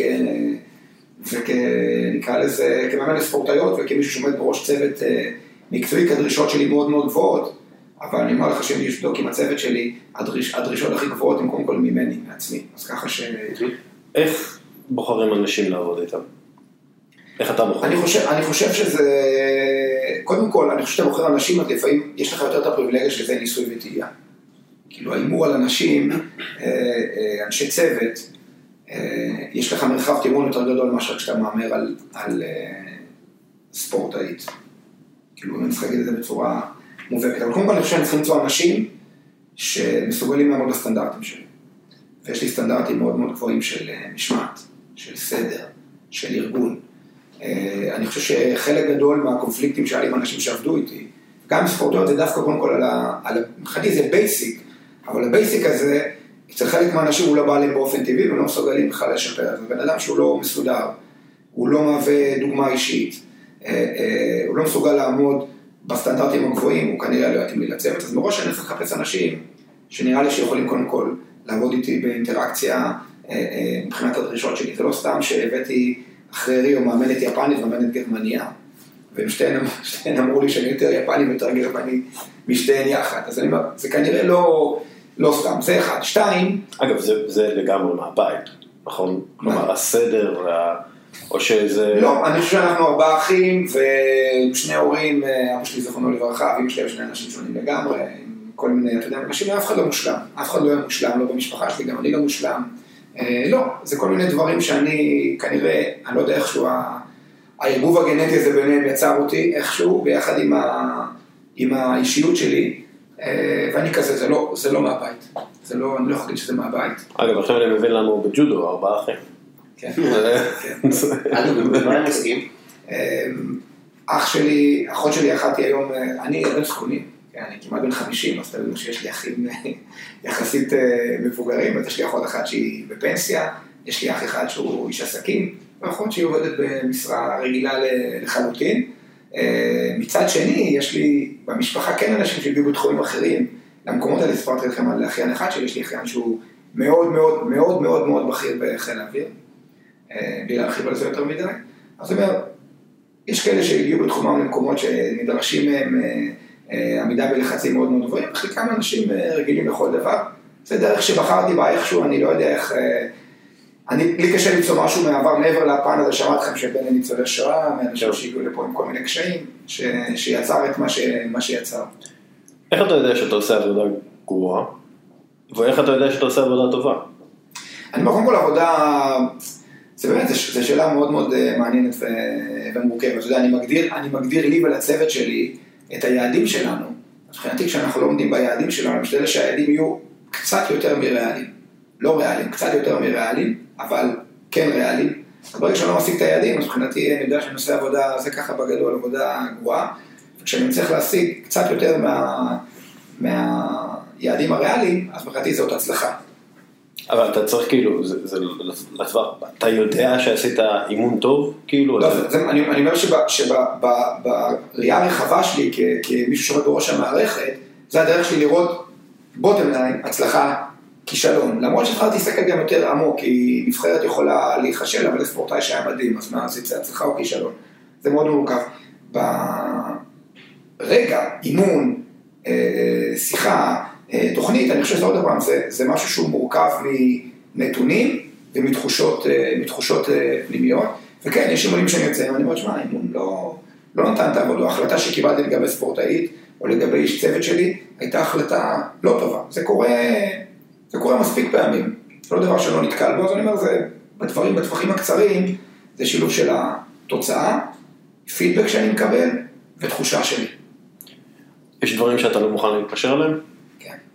חושב שכל מה שתלוי בנו, אפס פשרות, וזה אומר אה, להגיע בזמן, להיות בן אדם של מילה, להיות נאמן לצוות, להיות נאמן לספורטאיות, להיות נאמן למטרות, מבחינתי זה תלוי רק בנו. אני אומר, אני, אני יכול לגלות אה, אה, איזושהי חמלה כזאת למשהו שלא תמיד תלוי בנו, ספורטאית, עולה למזרון, בסוף אחת צריכה לנצח, אחת צריכה להפסיד, זה בסדר, אבל כשמישהו, רמת המחויבות שלו היא, היא לא טוטאלית, והוא לא מקפיד על דברים בסיסיים של אה, תזונה, שינה, עמידה בלוחות זמנים. מבחינתי זה basic, זה basic שדוגמה אישית שקשה לי מאוד להשלים איתם, אני לא אומר שאני לא מדי פעם משלים עם זה קצת, אבל מבחינתי זה סטנדרט מאוד גבוה, אבל basic להצליח בתחום שאני עוסק בו.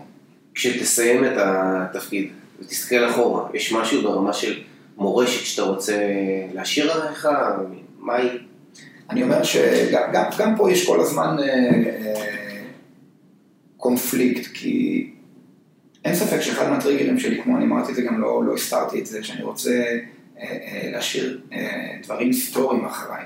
אני חושב שזה טריגר, כי אני לא במובן של מה יגידו אליהם, במובן שאני רוצה להגיע למקומות שמישהו אחר לא הגיע אליהם. זאת אומרת, זה מבחינתי, זה ה basic בספורט הישגי, אתה כל הזמן רוצה לעשות משהו שמישהו אחר לא עשה, יותר טוב ממישהו אחר. על זה בונה הספורט הישגי, אז מי שיגיד לך שאתה יכול לקרוא לזה מורשת, אתה יכול לקרוא לזה מה שאתה רוצה, שזה לא מעניין אותו, זה אבסורד, כי הבסיס של ספורט הישגי הוא כל הזמן להיות יותר מאחרים.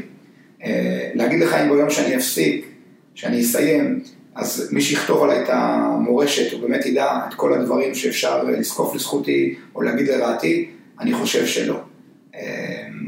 אני לא עוסק יותר מדי במורשת האישית שלי, יכול להיות איזה משהו שהוא שלילי בדרך שאני עושה את הדברים, לא אומר שזה משהו חיובי, אבל ברור שבסופו של דבר חשוב לי להשאיר אחריי יתרונות יחסיים ביחס לאחרים, זה חשוב לי. כאילו שאנשים שיגיעו אחריך לאותו תפקיד או לאותו עמדה, יראו מה אתה עשית וילמדו מזה? אחד, מה זה ילמדו מזה? אני כל הזמן אומר שכן צריך ללמוד מניסיון של אחרים, אבל צריך כל הזמן לחדש. להעתיק זה לא, זה לא, זה לא עובד. כן. אבל אני אומר, בוא נגיד ככה, שמה שאני אשאיר אחריי יהיה אתגר מאוד מאוד גדול, ואם מישהו ירצה לנצח את האתגר הזה, הוא יצטרך להיות חדשני, מחויב, להיות בטירוף, ולעשות המון דברים נכונים ופחות דברים לא נכונים. כאילו זה מבחינתי הצלחה, ובסוף יבוא מישהו שיעשה גם יותר ממני, זה טבעי, מי שלא מבין בזה, לא, כאילו מי שלא מבין שבספורט, זה תמיד יבוא מישהו שיהיה יותר טוב ממך, אז אני חושב שהוא אף פעם לא מגיע לסוג של שלמות בחיים שלו. יש, יש בזה שחקני עבר שמדברים על שחקנים נוכחים, ואתה רואה שהם לא שלמים עם הקריירה שלהם, ובגלל זה הם כאילו, מה, מה שנקרא באנגלית throwing shade על שחקנים עכשוויים. אתה רואה את זה הרבה. זה גם אמרת בשיחות שלנו, שמישהו ספורטאי על, שאחר כך הופך להיות מאמן, זה לא בהכרח... לא, אני חושב, אני חושב ש, ש... ואני אדבר על זה פתוח, אני חושב שאם תעשו סטטיסטיקה, תראו שהמון מאמנים שהגיעו לרמות הכי גבוהות.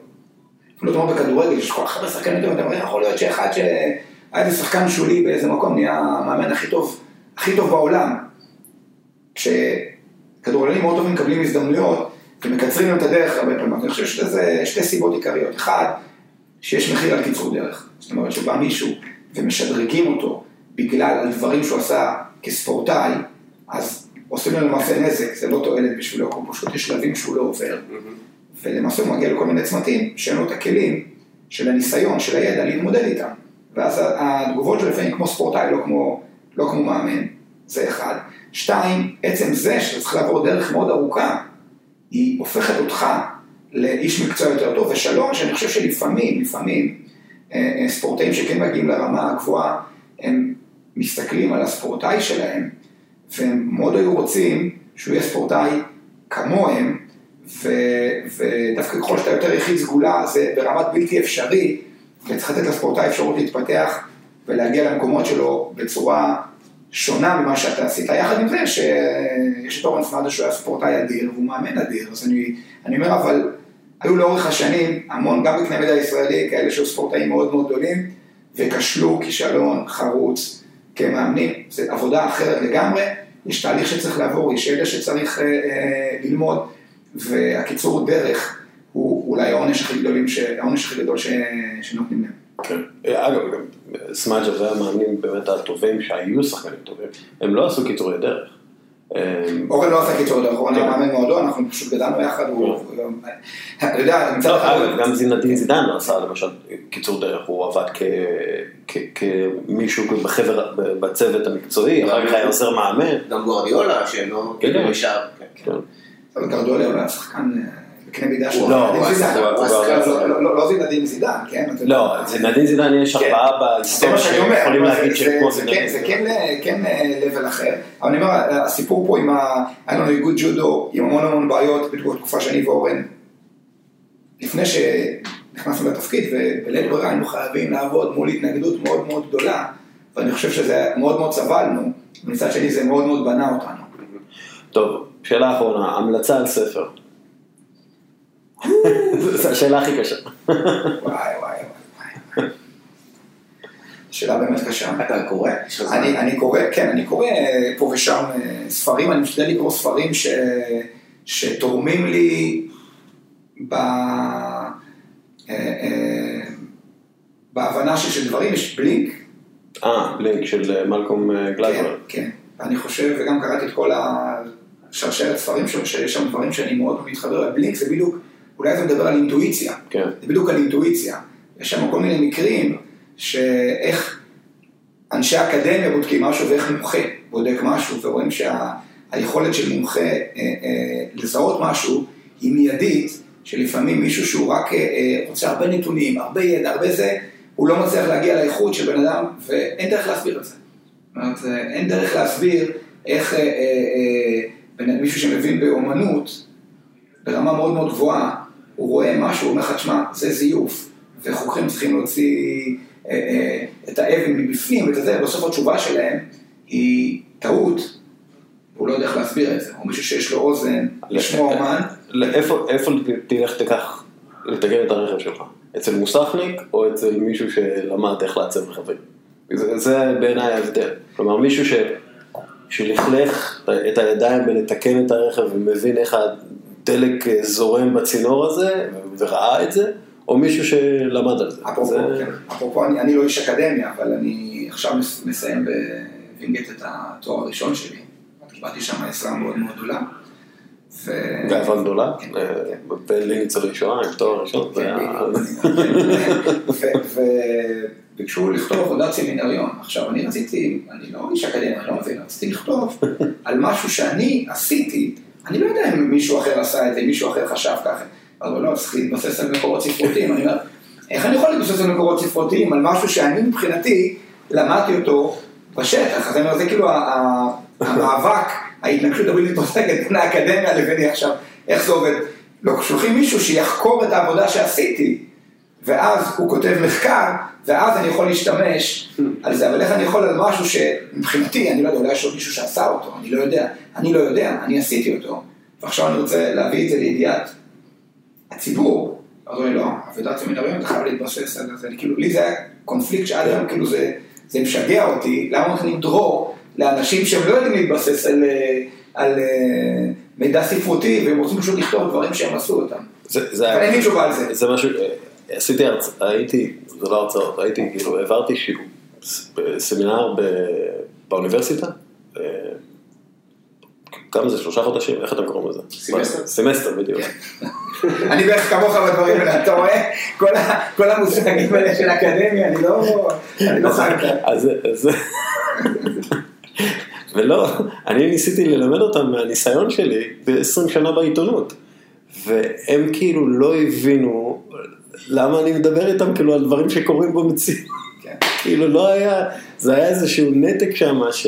לא, היום אקדמיה יישומית גם. לא, לא, קודם כל יש אנשים מדהימים באקדמיה, אני לא, אני נתתי דוגמה מנקודת מבט שלי, בסדר, יש יש לי איזה חיסרון ב- בנושא הזה, אבל כאילו לא צריך להבין בכלל למה אני צריך לבסס את מה שאני כן. רוצה להמליץ עליו, על משהו שמישהו בדק וחקר, כשלא, אותי הוא בטוח הוא לא חקר, אז למה אני צריך לבסס את הדבר, אז כאילו זה היה לי, פשוט אמרתי שהיה לי אה, כן. את הקונפליקט הזה. כן. אז אני אומר, זה, זה, קראתי על הספר, אני חושב שהספר הזה הוא כאילו, אם מישהו רוצה להבין את הצורת חשיבה שלו, אולי הוא יכול לקרוא, מצאתי את עצמי בספר הזה, קורא כל מיני דברים, שכאילו התמוגגתי מאיך שזה כתוב שם. אז יש לך בסקירת ספרות את הספר. כן. זה ספר עם הרבה מחקרים גם, כן, כן. שאני זוכר. אה, שני הרשקו, היה תענוג אה, אדיר. תודה רבה. תודה רבה לכם. תודה רבה. ואיתנו עכשיו אדם להב, אה, מעמוד הפייסבוק של הכדורגל הגרמני Fußball, ואוהד בורוסיה דורטמונד, שיעשה איתנו אה, פסימי slash אופטימי על הקבוצה שלו. אה, Wie geht's אדם. הכל בסדר, עוד קצת מתאוששים מהמשחק אתמול. היה אייקס נגד אייקס, משחק קשוח לאוהד טוטנאם, אוהד דורטמונד, סליחה. כן, מאוד. בלשון המעטה אפשר להגיד, כן. כן. אני עדיין, לא- עדיין לא יצא לי לראות עדיין תקציר מלא כדי לראות באמת אה, מה היה שם, אבל ההרגשה היא שהשופט אה, הכריע את המשחק, בוא נגיד את זה ככה. השופט בהחלט היה אחראי ל- לחלק מהכרעת המשחק. אני, אגב, דעה לא פופולרית, אני מבין למה הוא נתן את האדום הזה. כלומר, הייתה פה כניסה קצת חסרת אחריות של המלס, והוא העניש אותו בחומרה אה, גדולה מדי, אבל אני מבין מאיפה מגיע הרציונל, אבל עזוב את זה, כי אנחנו מדברים לטווח הארוך ו, ולא על דברים אה, שקרו וכולי. אמ, דורטמונד בצמרת של הבונדסליגה, אנחנו מתחילים עם האופטימי, כן? אמ, דורטמונד בצמרת של הבונדסליגה, תחת מרקו רוזה, אמ, נראה שאתם מנצחים את המשחקים שאתם אמורים לנצח, והאיצטדיון שלכם הוא חזר להיות סוג של מבצר. דרך אגב, רוזה הוא המאמן הראשון בהיסטוריה של דורטמונד שניצח את, את כל חמשת הבית, משחקי הבית הראשונים שלו. בליגה, כן. בליגה, כן, כן. אתם גם היחידים בהיסטוריה שהפלתם לשמינית גמר גביע גרמני 11 פעמים ברציפות, אז אה, כבוד לזה, אבל אם אני כבר מתחיל, אם אני מתחיל עם הפסימי, אז כשאני מסתכל על הנתונים המתקדמים והפרש שערים צפוי, מה שנקרא XG, אה, GD, GTD, אה, אז ביירן מינכן ל-90 דקות היא עם אה, הפרש שערים צפוי חיובי של 2.07, העונה בב- בבונדסליגה, ודורטמונד, מקום שני בליגה עם 0.74, לייפציג שלישית 0.73, מיינץ אה, רביעית עם 0.50 ו- וגלדבך אה, גם כן עם 0.50 חיובי. אז כאילו בסטטיסטיקות המתקדמות, שבדרך כלל מתיישרות, ביירן מינכן, ואני לא חושב שאני מפתיע מישהו, פשוט בליגה אחרת. אז כלומר, מצד אחד אתם חזרתם להיות באמת הקבוצה השנייה הכי טובה בגרמניה באופן די מובהק, מצד שני, אתם רחוקים מאוד מביירן מינכן. נכון. זה גם לא משהו שלדעתי הולך להשתנות כל עוד אה, הכדורגל הגרמני ימשיך לעבוד במתכונת של 50 פלוס 1. הפערים שביירן, אה, בוא נגיד ככה, עבדו עליהם, שגדלו עם השנים, הם לדעתי גם המשיכו לגדול כל עוד אה, הדברים עובדים באותה מתכונת.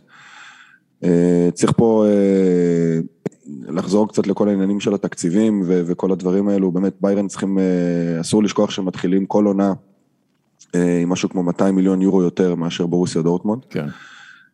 וזה סכום שבא לידי ביטוי בתקציב שכר יותר גדול, ובסופו של דבר אה, זה גם מה שמביא את ה top stars, את ה- את השחקנים הגדולים ממש לביירן. ומשאיר את דורטמונד אה, בתור אה, קבוצה שעדיין אה, סוג של תחנת מעבר אה, לכישרונות צעירים אה, עולים בכדורגל האירופי. אה, ואני לא חושב, אני לא, לא רואה את זה משתנה בקרוב. זה כנראה שיישאר ככה לפחות עוד בחמש שנים, עשר שנים הקרובות.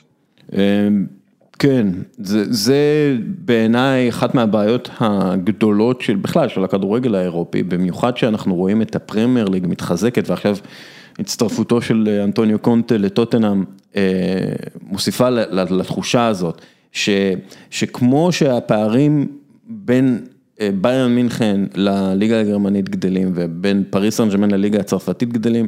ואתה יודע, עכשיו יש כאילו תקופת מעבר בספרד ואיטליה, אבל אתה יודע, בקרוב מאוד, גם יובנטוס תחזור לפסגה וגם אה, ברצלונה תחזור לפסגה יחד עם ריאל מדריד. אה, תח- תחושתי היא שכמו שהפערים האלה גדלים פנימית, ככה הם גדלים חיצונית, ו... ו... הפרמייר ליג פשוט הולכת להיות הרבה יותר גדולה והרבה יותר איכותית מאשר כל הליגות האחרות, וזה בכלל בלי תחרות, וזה מדאיג מאוד מבחינת כל מי שאוהד אה, כדורגל, אני לא מדבר על אוהדי כדורגל האנגלי, אני, או אוהדי כדורגל אחר באירופה, פשוט הפערים האלה לא בריאים, כי בקרוב מאוד אנחנו נראה הרבה מאוד שחקנים טובים מאוד, מה, בעיקר מהקבוצות אה, מעמד הביניים ומטה בליגות, חמש הליגות הבכירות, פשוט עוזבים לפרמייר ליג, לכל מיני ברנלי ונוריץ' ו- ו- וניוקאסל מן הסתם, בגלל שהפרמייר ליג תוכל להרשות לעצמם לרכוש את השחקנים האלה, ואני לא אופטימי בקטע הזה, אבל אמ, אם כבר אופטימי, אז למשל ג'יידון סנצ'ו פשוט לא היה צריך לעזוב אתכם, ואני חושב שזה סוג של מסר לשחקנים אחרים שלכם, וזה מה שגרי נוויל אמר עליו לפני כמה ימים, גרי נוויל אה, אמר, הוא שיחק בקבוצה הרבה יותר טובה בדורטמונד,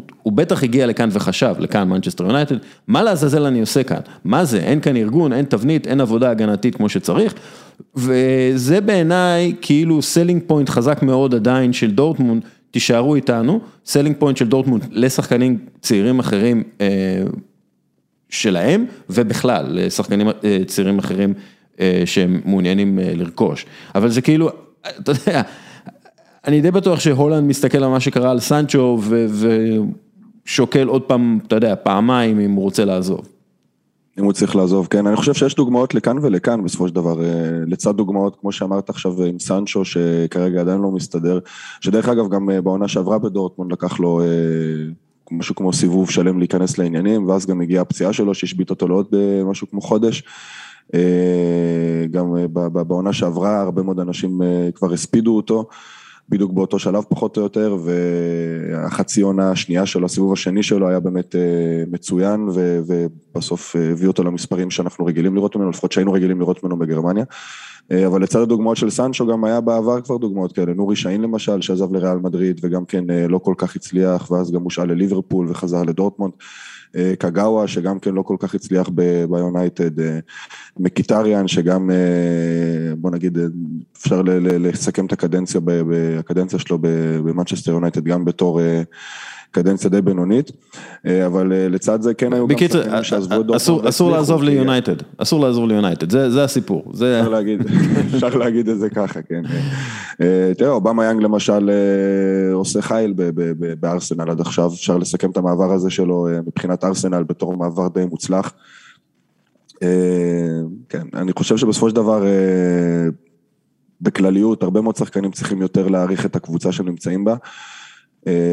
מעבר הזה לא רק, אתה יודע, יצא לי פעם אחת, אני אוהב לספר את הסיפור הזה, יצא לי פה פעם אחת לצאת לבילוי עם רוברטו קולאוטי בדיסלדורף. הוא היה חי פה תקופה אחרי שהוא שיחק בגלדבך, היה לו סוכנות שחקנים. שנייה, שנייה, זה... תמשיך, כן? אבל כאילו בקטנה הייתי ברוברטו, כן, תמשיך. היה לו פה סוכנות שחקנים, ויצאנו פעם אחת לבלות, דרך חברים משותפים יצא לי להכיר אותו, והגענו פעם אחת לדבר על איזשהו, על כל הנושא הזה של העברות, ושאלתי אותו, תגיד, אתה חזרת מגרמניה לארץ, מכבי תל אביב שמו בשבילך ארגז על השולחן, חזרת למכבי תל אביב בתור מרוויח על, מישהו שמרוויח הכי הרבה בקבוצה, איך זה כאילו, אין, אין לך משהו על הכתפיים, כאילו, איך זה מבחינה מנטלית, זה משפיע עליך שאתה פתאום מרוויח הכי הרבה, ש, שאתה באמת ממוצב בתור השחקן הכי טוב בסגל, למרות שאתה לא בהכרח כזה. הוא באמת אמר שמבחינה מנטלית זה מאוד מאוד קשה, כי יש עליך הרבה מאוד על הכתפיים, הרבה מאוד אחריות. אז זה הדבר הראשון שאני מתאר לעצמי שגם סנצ'ו מרגיש.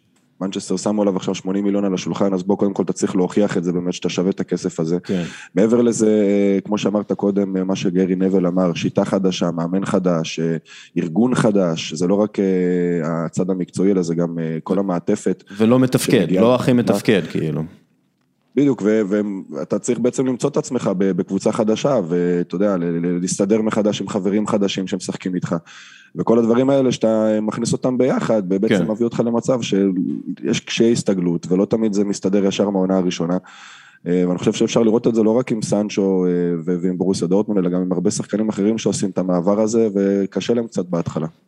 כן, אגב, זה כאילו האופטימי, אבל הפסימי זה שארלינג הולנד כנראה בטוח יעזוב, כלומר זה definitely maybe יעזוב. סבסטיאן קל אפילו דיבר על זה.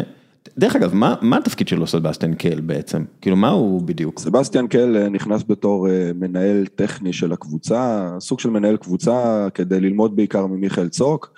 ואז כאילו להחליף בסופו של דבר להיות המנהל הספורטיבי. סוף העונה הוא אמור לקחת את התפקיד של מיכאל צורק, ומיכאל צורק...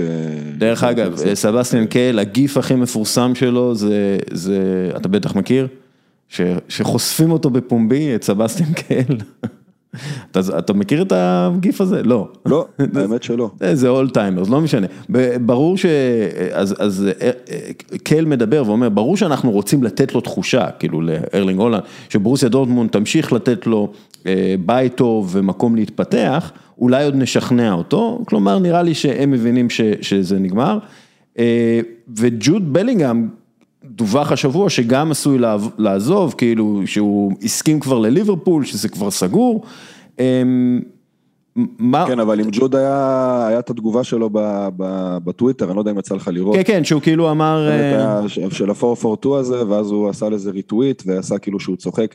תשמע, ג'וד בלינגהם הוא באמת, איזה, אני לא יודע אם אתה רוצה לדבר עליו היום, אה, בוא, בוא, בוא נדבר. בוא נדבר.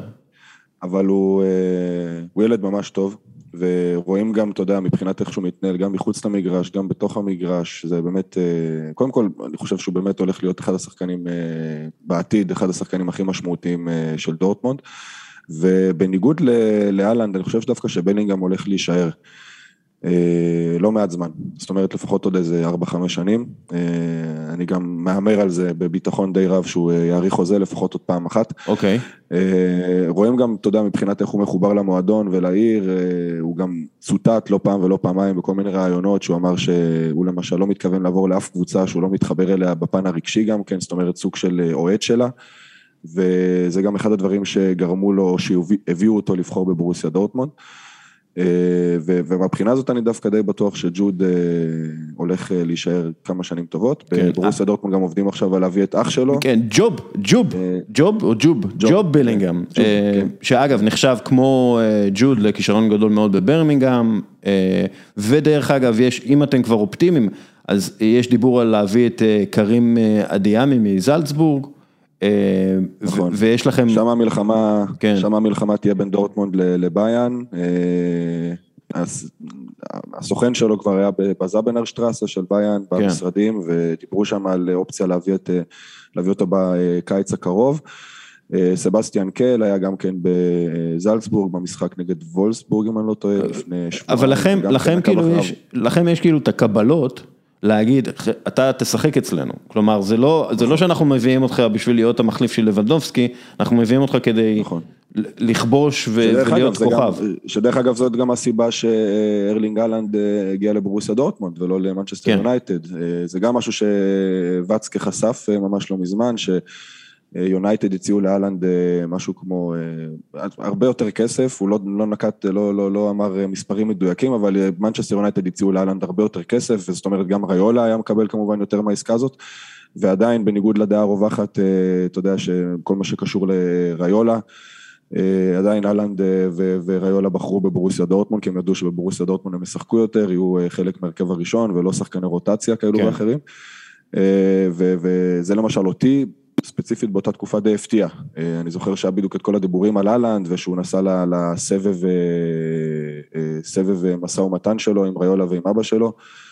שהם טסו לדורטמונד וללייפציג, ואחרי זה גם למנצ'סטר, ואף אחד כן. לא באמת האמין שהוא יחתום בדורטמונד, כולם היו בטוחים שזה יהיה יונייטד, יונייטד, יונייטד, ואז פתאום אגב, תודה שזה דורטמונד, וכולם כן. היו בשוק. אגב, ובכלל, באופן כללי, יש לכם כמה כישרונות שמדברים עליהם הרבה, ב, אתה יודע, במיליה של ה scouting ושל האנליסטים, מדברים על ברדלי פינק, או פינק, אה, שהוא ילד שוויצרי שעושה עבודה טובה מאוד בקבוצת נוער, ויש לכם את הבחור ההולנדי, יוליאן אה, רייקהוף, שהבאתם מהאייקס, נכון. שיש לו כבר אה, אה, שמונה שערים ושלושה בישולים ב-13 הופעות בנוער, כלומר, והוא שחקן צעיר לנוער. ויש לכם את יוסף, המק... יוסוף, המוקוקו, שזה קצת פסימי, כי נראה שזה לא, אני לא יודע לאן זה הולך, מה, לאן זה הולך עם מוקוקו? כן, אה, מוקוקו היה לו קצת אה, בלאגן, אה, או בוא נגיד קשיים אה, יותר אה, להשתלב, היה גם את הדיבורים באותה תקופה שהוא ממש חשב לפרוש, אה, כי אנשים לא האמינו לגיל שלו, ובגלל כל הלחץ שהגיע מסביב.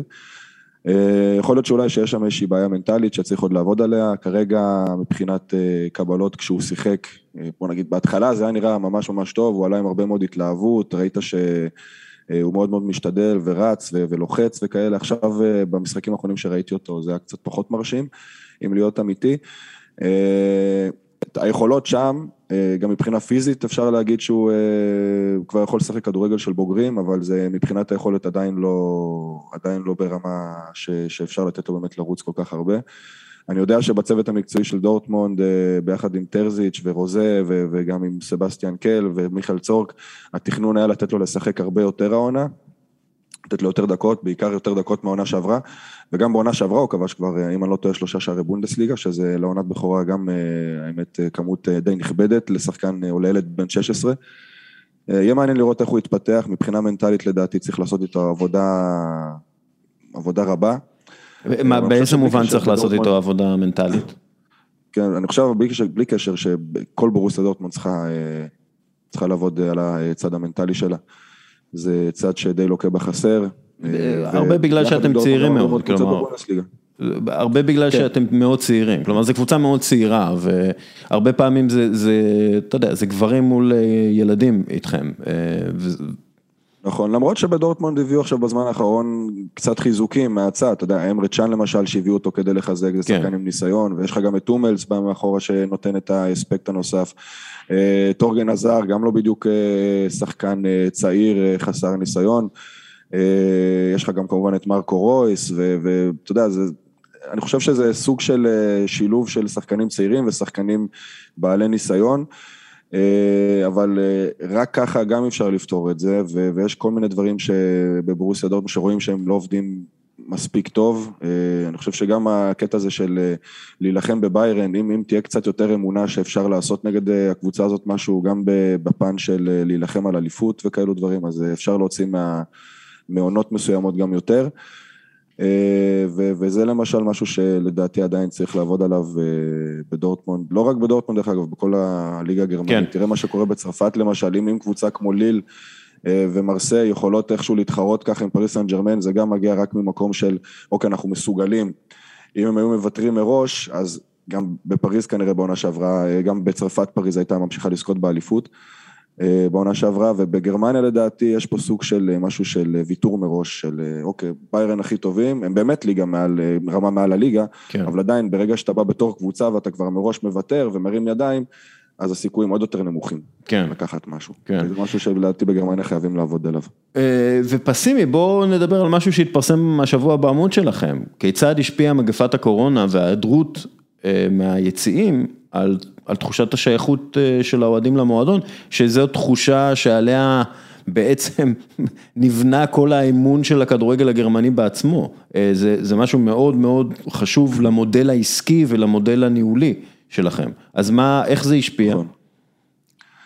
אה, זהו, אז בוריסיה דורטמונד באמת עשתה אה, סוג של מחקר אקדמי, אה, משהו ראשון מסוגו, וכדי באמת לנסות ולזהות את ההשפעות של הקורונה, ואיך זה באמת השפיע על האוהדים ועל החיבור שלהם. בשיתוף עם האוניברסיטה הטכנולוגית והאקדמיה המקצועית בדורטמונד, ונשאלו משהו כמו סדר גודל של 30 אלף אוהדים וחברי, בעיקר מנויים וחברי מועדון, חברי אגודה.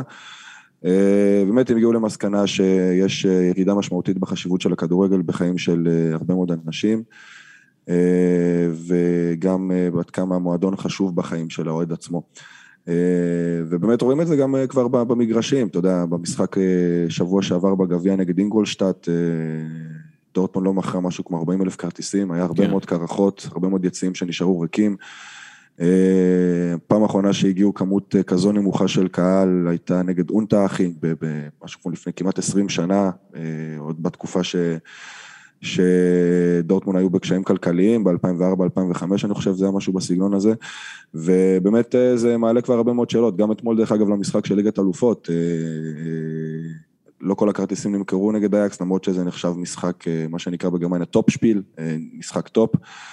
וגם פה היה הרבה מאוד כרטיסים אה, פנויים, אה, והרבה מאוד, בוא נגיד שזה מעסיק מאוד את, את הרבה מאוד אה, מה- מהמועדוני אוהדים, והרבה מאוד אוהדים גם מעבר לזה, הרבה מאוד שואלים את עצמם איך זה יכול להיות שבאמת מגיעים כל כך מעט כרגע בזמן האחרון. בליגה עדיין רוב הכרטיסים נמכרים, נגד קלן למשל, שבוע שעבר היה איצטדיון מלא. כן. אגב, משחק, משחק מצוין היה. של קלן. כן, כן, כן. דורטמונד שם, כן, זה היה פעם ראשונה אולי שאפשר להגיד. קלן דרך אגב בעטה לשער כמעט 20 פעמים, כאילו, באמת. כן, כן. להוריד את הכובע, שאפו, ואני חושב שבלי שום קשר, זה אומנם לא הנושא של, של השיחה שלנו, אבל קלן ובאומגרט אה, זה שידוך משמיים לדעתי. בכל מקרה, אה, אני מקווה מאוד שדברים האלה יש- ישתנו שוב אצל הרבה מאוד אנשים, אבל אה, ראו את זה בזמן הקורונה, זאת אומרת, גם אני וגם אוהדים אחרים, בסופו של דבר, הקורונה הכריחה אותנו להישאר בבית, חלק אה, מצאו לעצמם תחביבים חדשים, אני שומע גם דעות של אוהדים, חלק מספרים שהם אה, התחילו יותר לצאת לקמפינג ולטייל יותר בטבע, כן. וזה מבחינתם עדיף עכשיו על לנסוע לאצטדיון. אה, חלק אה, מקדישים יותר זמן למשפחה ולילדים שלהם ומעדיפים לבלות את השבת עם, עם המשפחה שלהם ו- ולא ללכת יותר לאצטדיון. מעבר לזה גם מחירי הכרטיסים ומחיר של בילוי כזה, זה גם לא זול. אם אתה משפחה ממוצעת שרוצה ללכת היום לאצטדיון בגרמניה ולא ללכת למקומות עמידה, אתה גם כן צריך להיפרד בבורוסיה דורטמונד מ-150 יורו בערך עם אוכל וכרטיסים ושתייה ודלק, שזה גם כן לא דבר של מה בכך. והרבה מאוד אנשים גם אומרים לעצמם כן. עכשיו, טוב, אולי אני אחסוך לעצמי את הכסף הזה, אני יכול לעשות איתו משהו אחר. כן. ובאמת מהבחינה הזאת המחקר הזה שדורטמון עשו רק אישר, או ששת הדברים שבאמת הרבה מאוד אנשים כבר חשבו, או שראו שזה הולך לשם. וגם יש, אגב, וגם יש אה, הרבה יותר מדי כדורגל. כלומר, הכדורגל רוצה אותך כל יום בשבוע, וזה פשוט לא סוסטיינבל, כמו שאומרים באנגלית. פשוט לא, נכון. לא בר קיימא. אה, עוד משהו כן. שאתה רוצה זה דרך אגב, מה שאמרתם גם מתחבר למה שקורה עם הסופר ליג. אה, כן. אה, כל הדיבור על זה, על לעשות אה, משחקים גדולים בין ריאל ליובה על בסיס שבועי, במקום לתת גם למשחקים כמו למשל ריאל שריף יותר, אתה יודע, במתכונת של היום. גם פה זה יצא בסוף לאנשים מהגרון. אנשים יימאס להם בסופו של דבר, וכבר עכשיו רואים שיש הרבה אנשים ש... כן. אתה יודע, פחות uh, מתעניינים ופחות... Uh, נסיים עם אופטימי? כמו שהם היו פעם. נסיים עם אופטימי, משהו אופטימי? עם אופטימי. מרקו רוזה, בוא נדבר עליו. המאמן הכי חתיך בעיניי בעולם. אה, בוא נדבר עליו באמת. מרקו רוזה, תשמע, אני בינתיים לא, לא רואה משהו מיוחד, אני אגיד לך את האמת. אוקיי. שנה לא. שעברה שראיתי אותו עם גלטבך, זה באמת היה נראה הרבה יותר טוב, עד שהגיעה ההודעה. אה, שם גם הגיעה תפנית ביכולת של דורטמונד עם אה, טרזיץ'. אה, אני חושב שאין אוהד דורטמונד שלא אגיד לך שהיה מאוד מאוד מרוצה מטרזיץ' בעונה שעברה. ברור שהחוזה כבר עם, עם רוזה כבר היה חתום והדיו היה יבש, אז ללכת אחורה אי אפשר היה. אבל בינתיים אה, נראה ככה לפחות שרוזה עדיין אה, קצת בצל של טרזיץ', מהעונה שעברה כדורגל עם טרזיץ' בסיבוב השני, לקח לו אמנם קצת זמן עד שהוא באמת אה, השתרש בברוסיה דורטמון, אבל בסופו של דבר ראינו כדורגל סוחף, טוב, לוחץ, כן. משהו, כדורגל שגם הביא בסוף תארים, גביע, וגם העלה את דורטמון לליגת אלופות, אחרי שהם היו ממש במצב רע מאוד, עם שבעה ניצחונות רצופים לדעתי בסוף העונה. כן. אה, והשנה זה עדיין קצת חורק, אה, כמו שאמרת גם בתחילת הפרק עם השערים צפויים. אה, אז אולי אחד ההבדלים לגבי, לעומת העונה שעברה זה שדורטמונד לא יודעת לקחת נקודות ממשחקים שהיא פחות טובה בהם, שזה באמת משהו שראינו העונה, אם זה למשל באמת המשחק נגד קלן, שגם כן כבר ציינו היום. אבל מצד שני, הכדורגל לא, לא מתקרב ל, ל, ל, ל, ל, למה שהיה בעונה שעברה, לפחות בסוף העונה עם טרזיץ'. אה, אני לא בטוח שזה רק רוזה אשם בזה, יכול להיות גם שזה בגלל שמאלן עדיין לא השתלב כמו שצריך, ושבאמת סנצ'ו עזב, זה גם כן מכה די גדולה בכנף, ובעיקר שהמחליף שלו עדיין לא פורע את השטרות, אבל יהיה מעניין לראות על כל פנים אה, איך זה ימשיך, כרגע הכדורגל של רוזה די אה, חורק, ולא מרשים בלשון המעטה. כל עוד הוא מביא נקודות, יהיה לו את השקט, יקבל אותו, אבל ברגע שהוא כן. יתחיל לאבד גם נקודות, אז גם יתחילו הדיבורים עליו. אה, טוב, אז זה לא הכי אופטימי, אבל אני רוצה להודות לך, תודה רבה.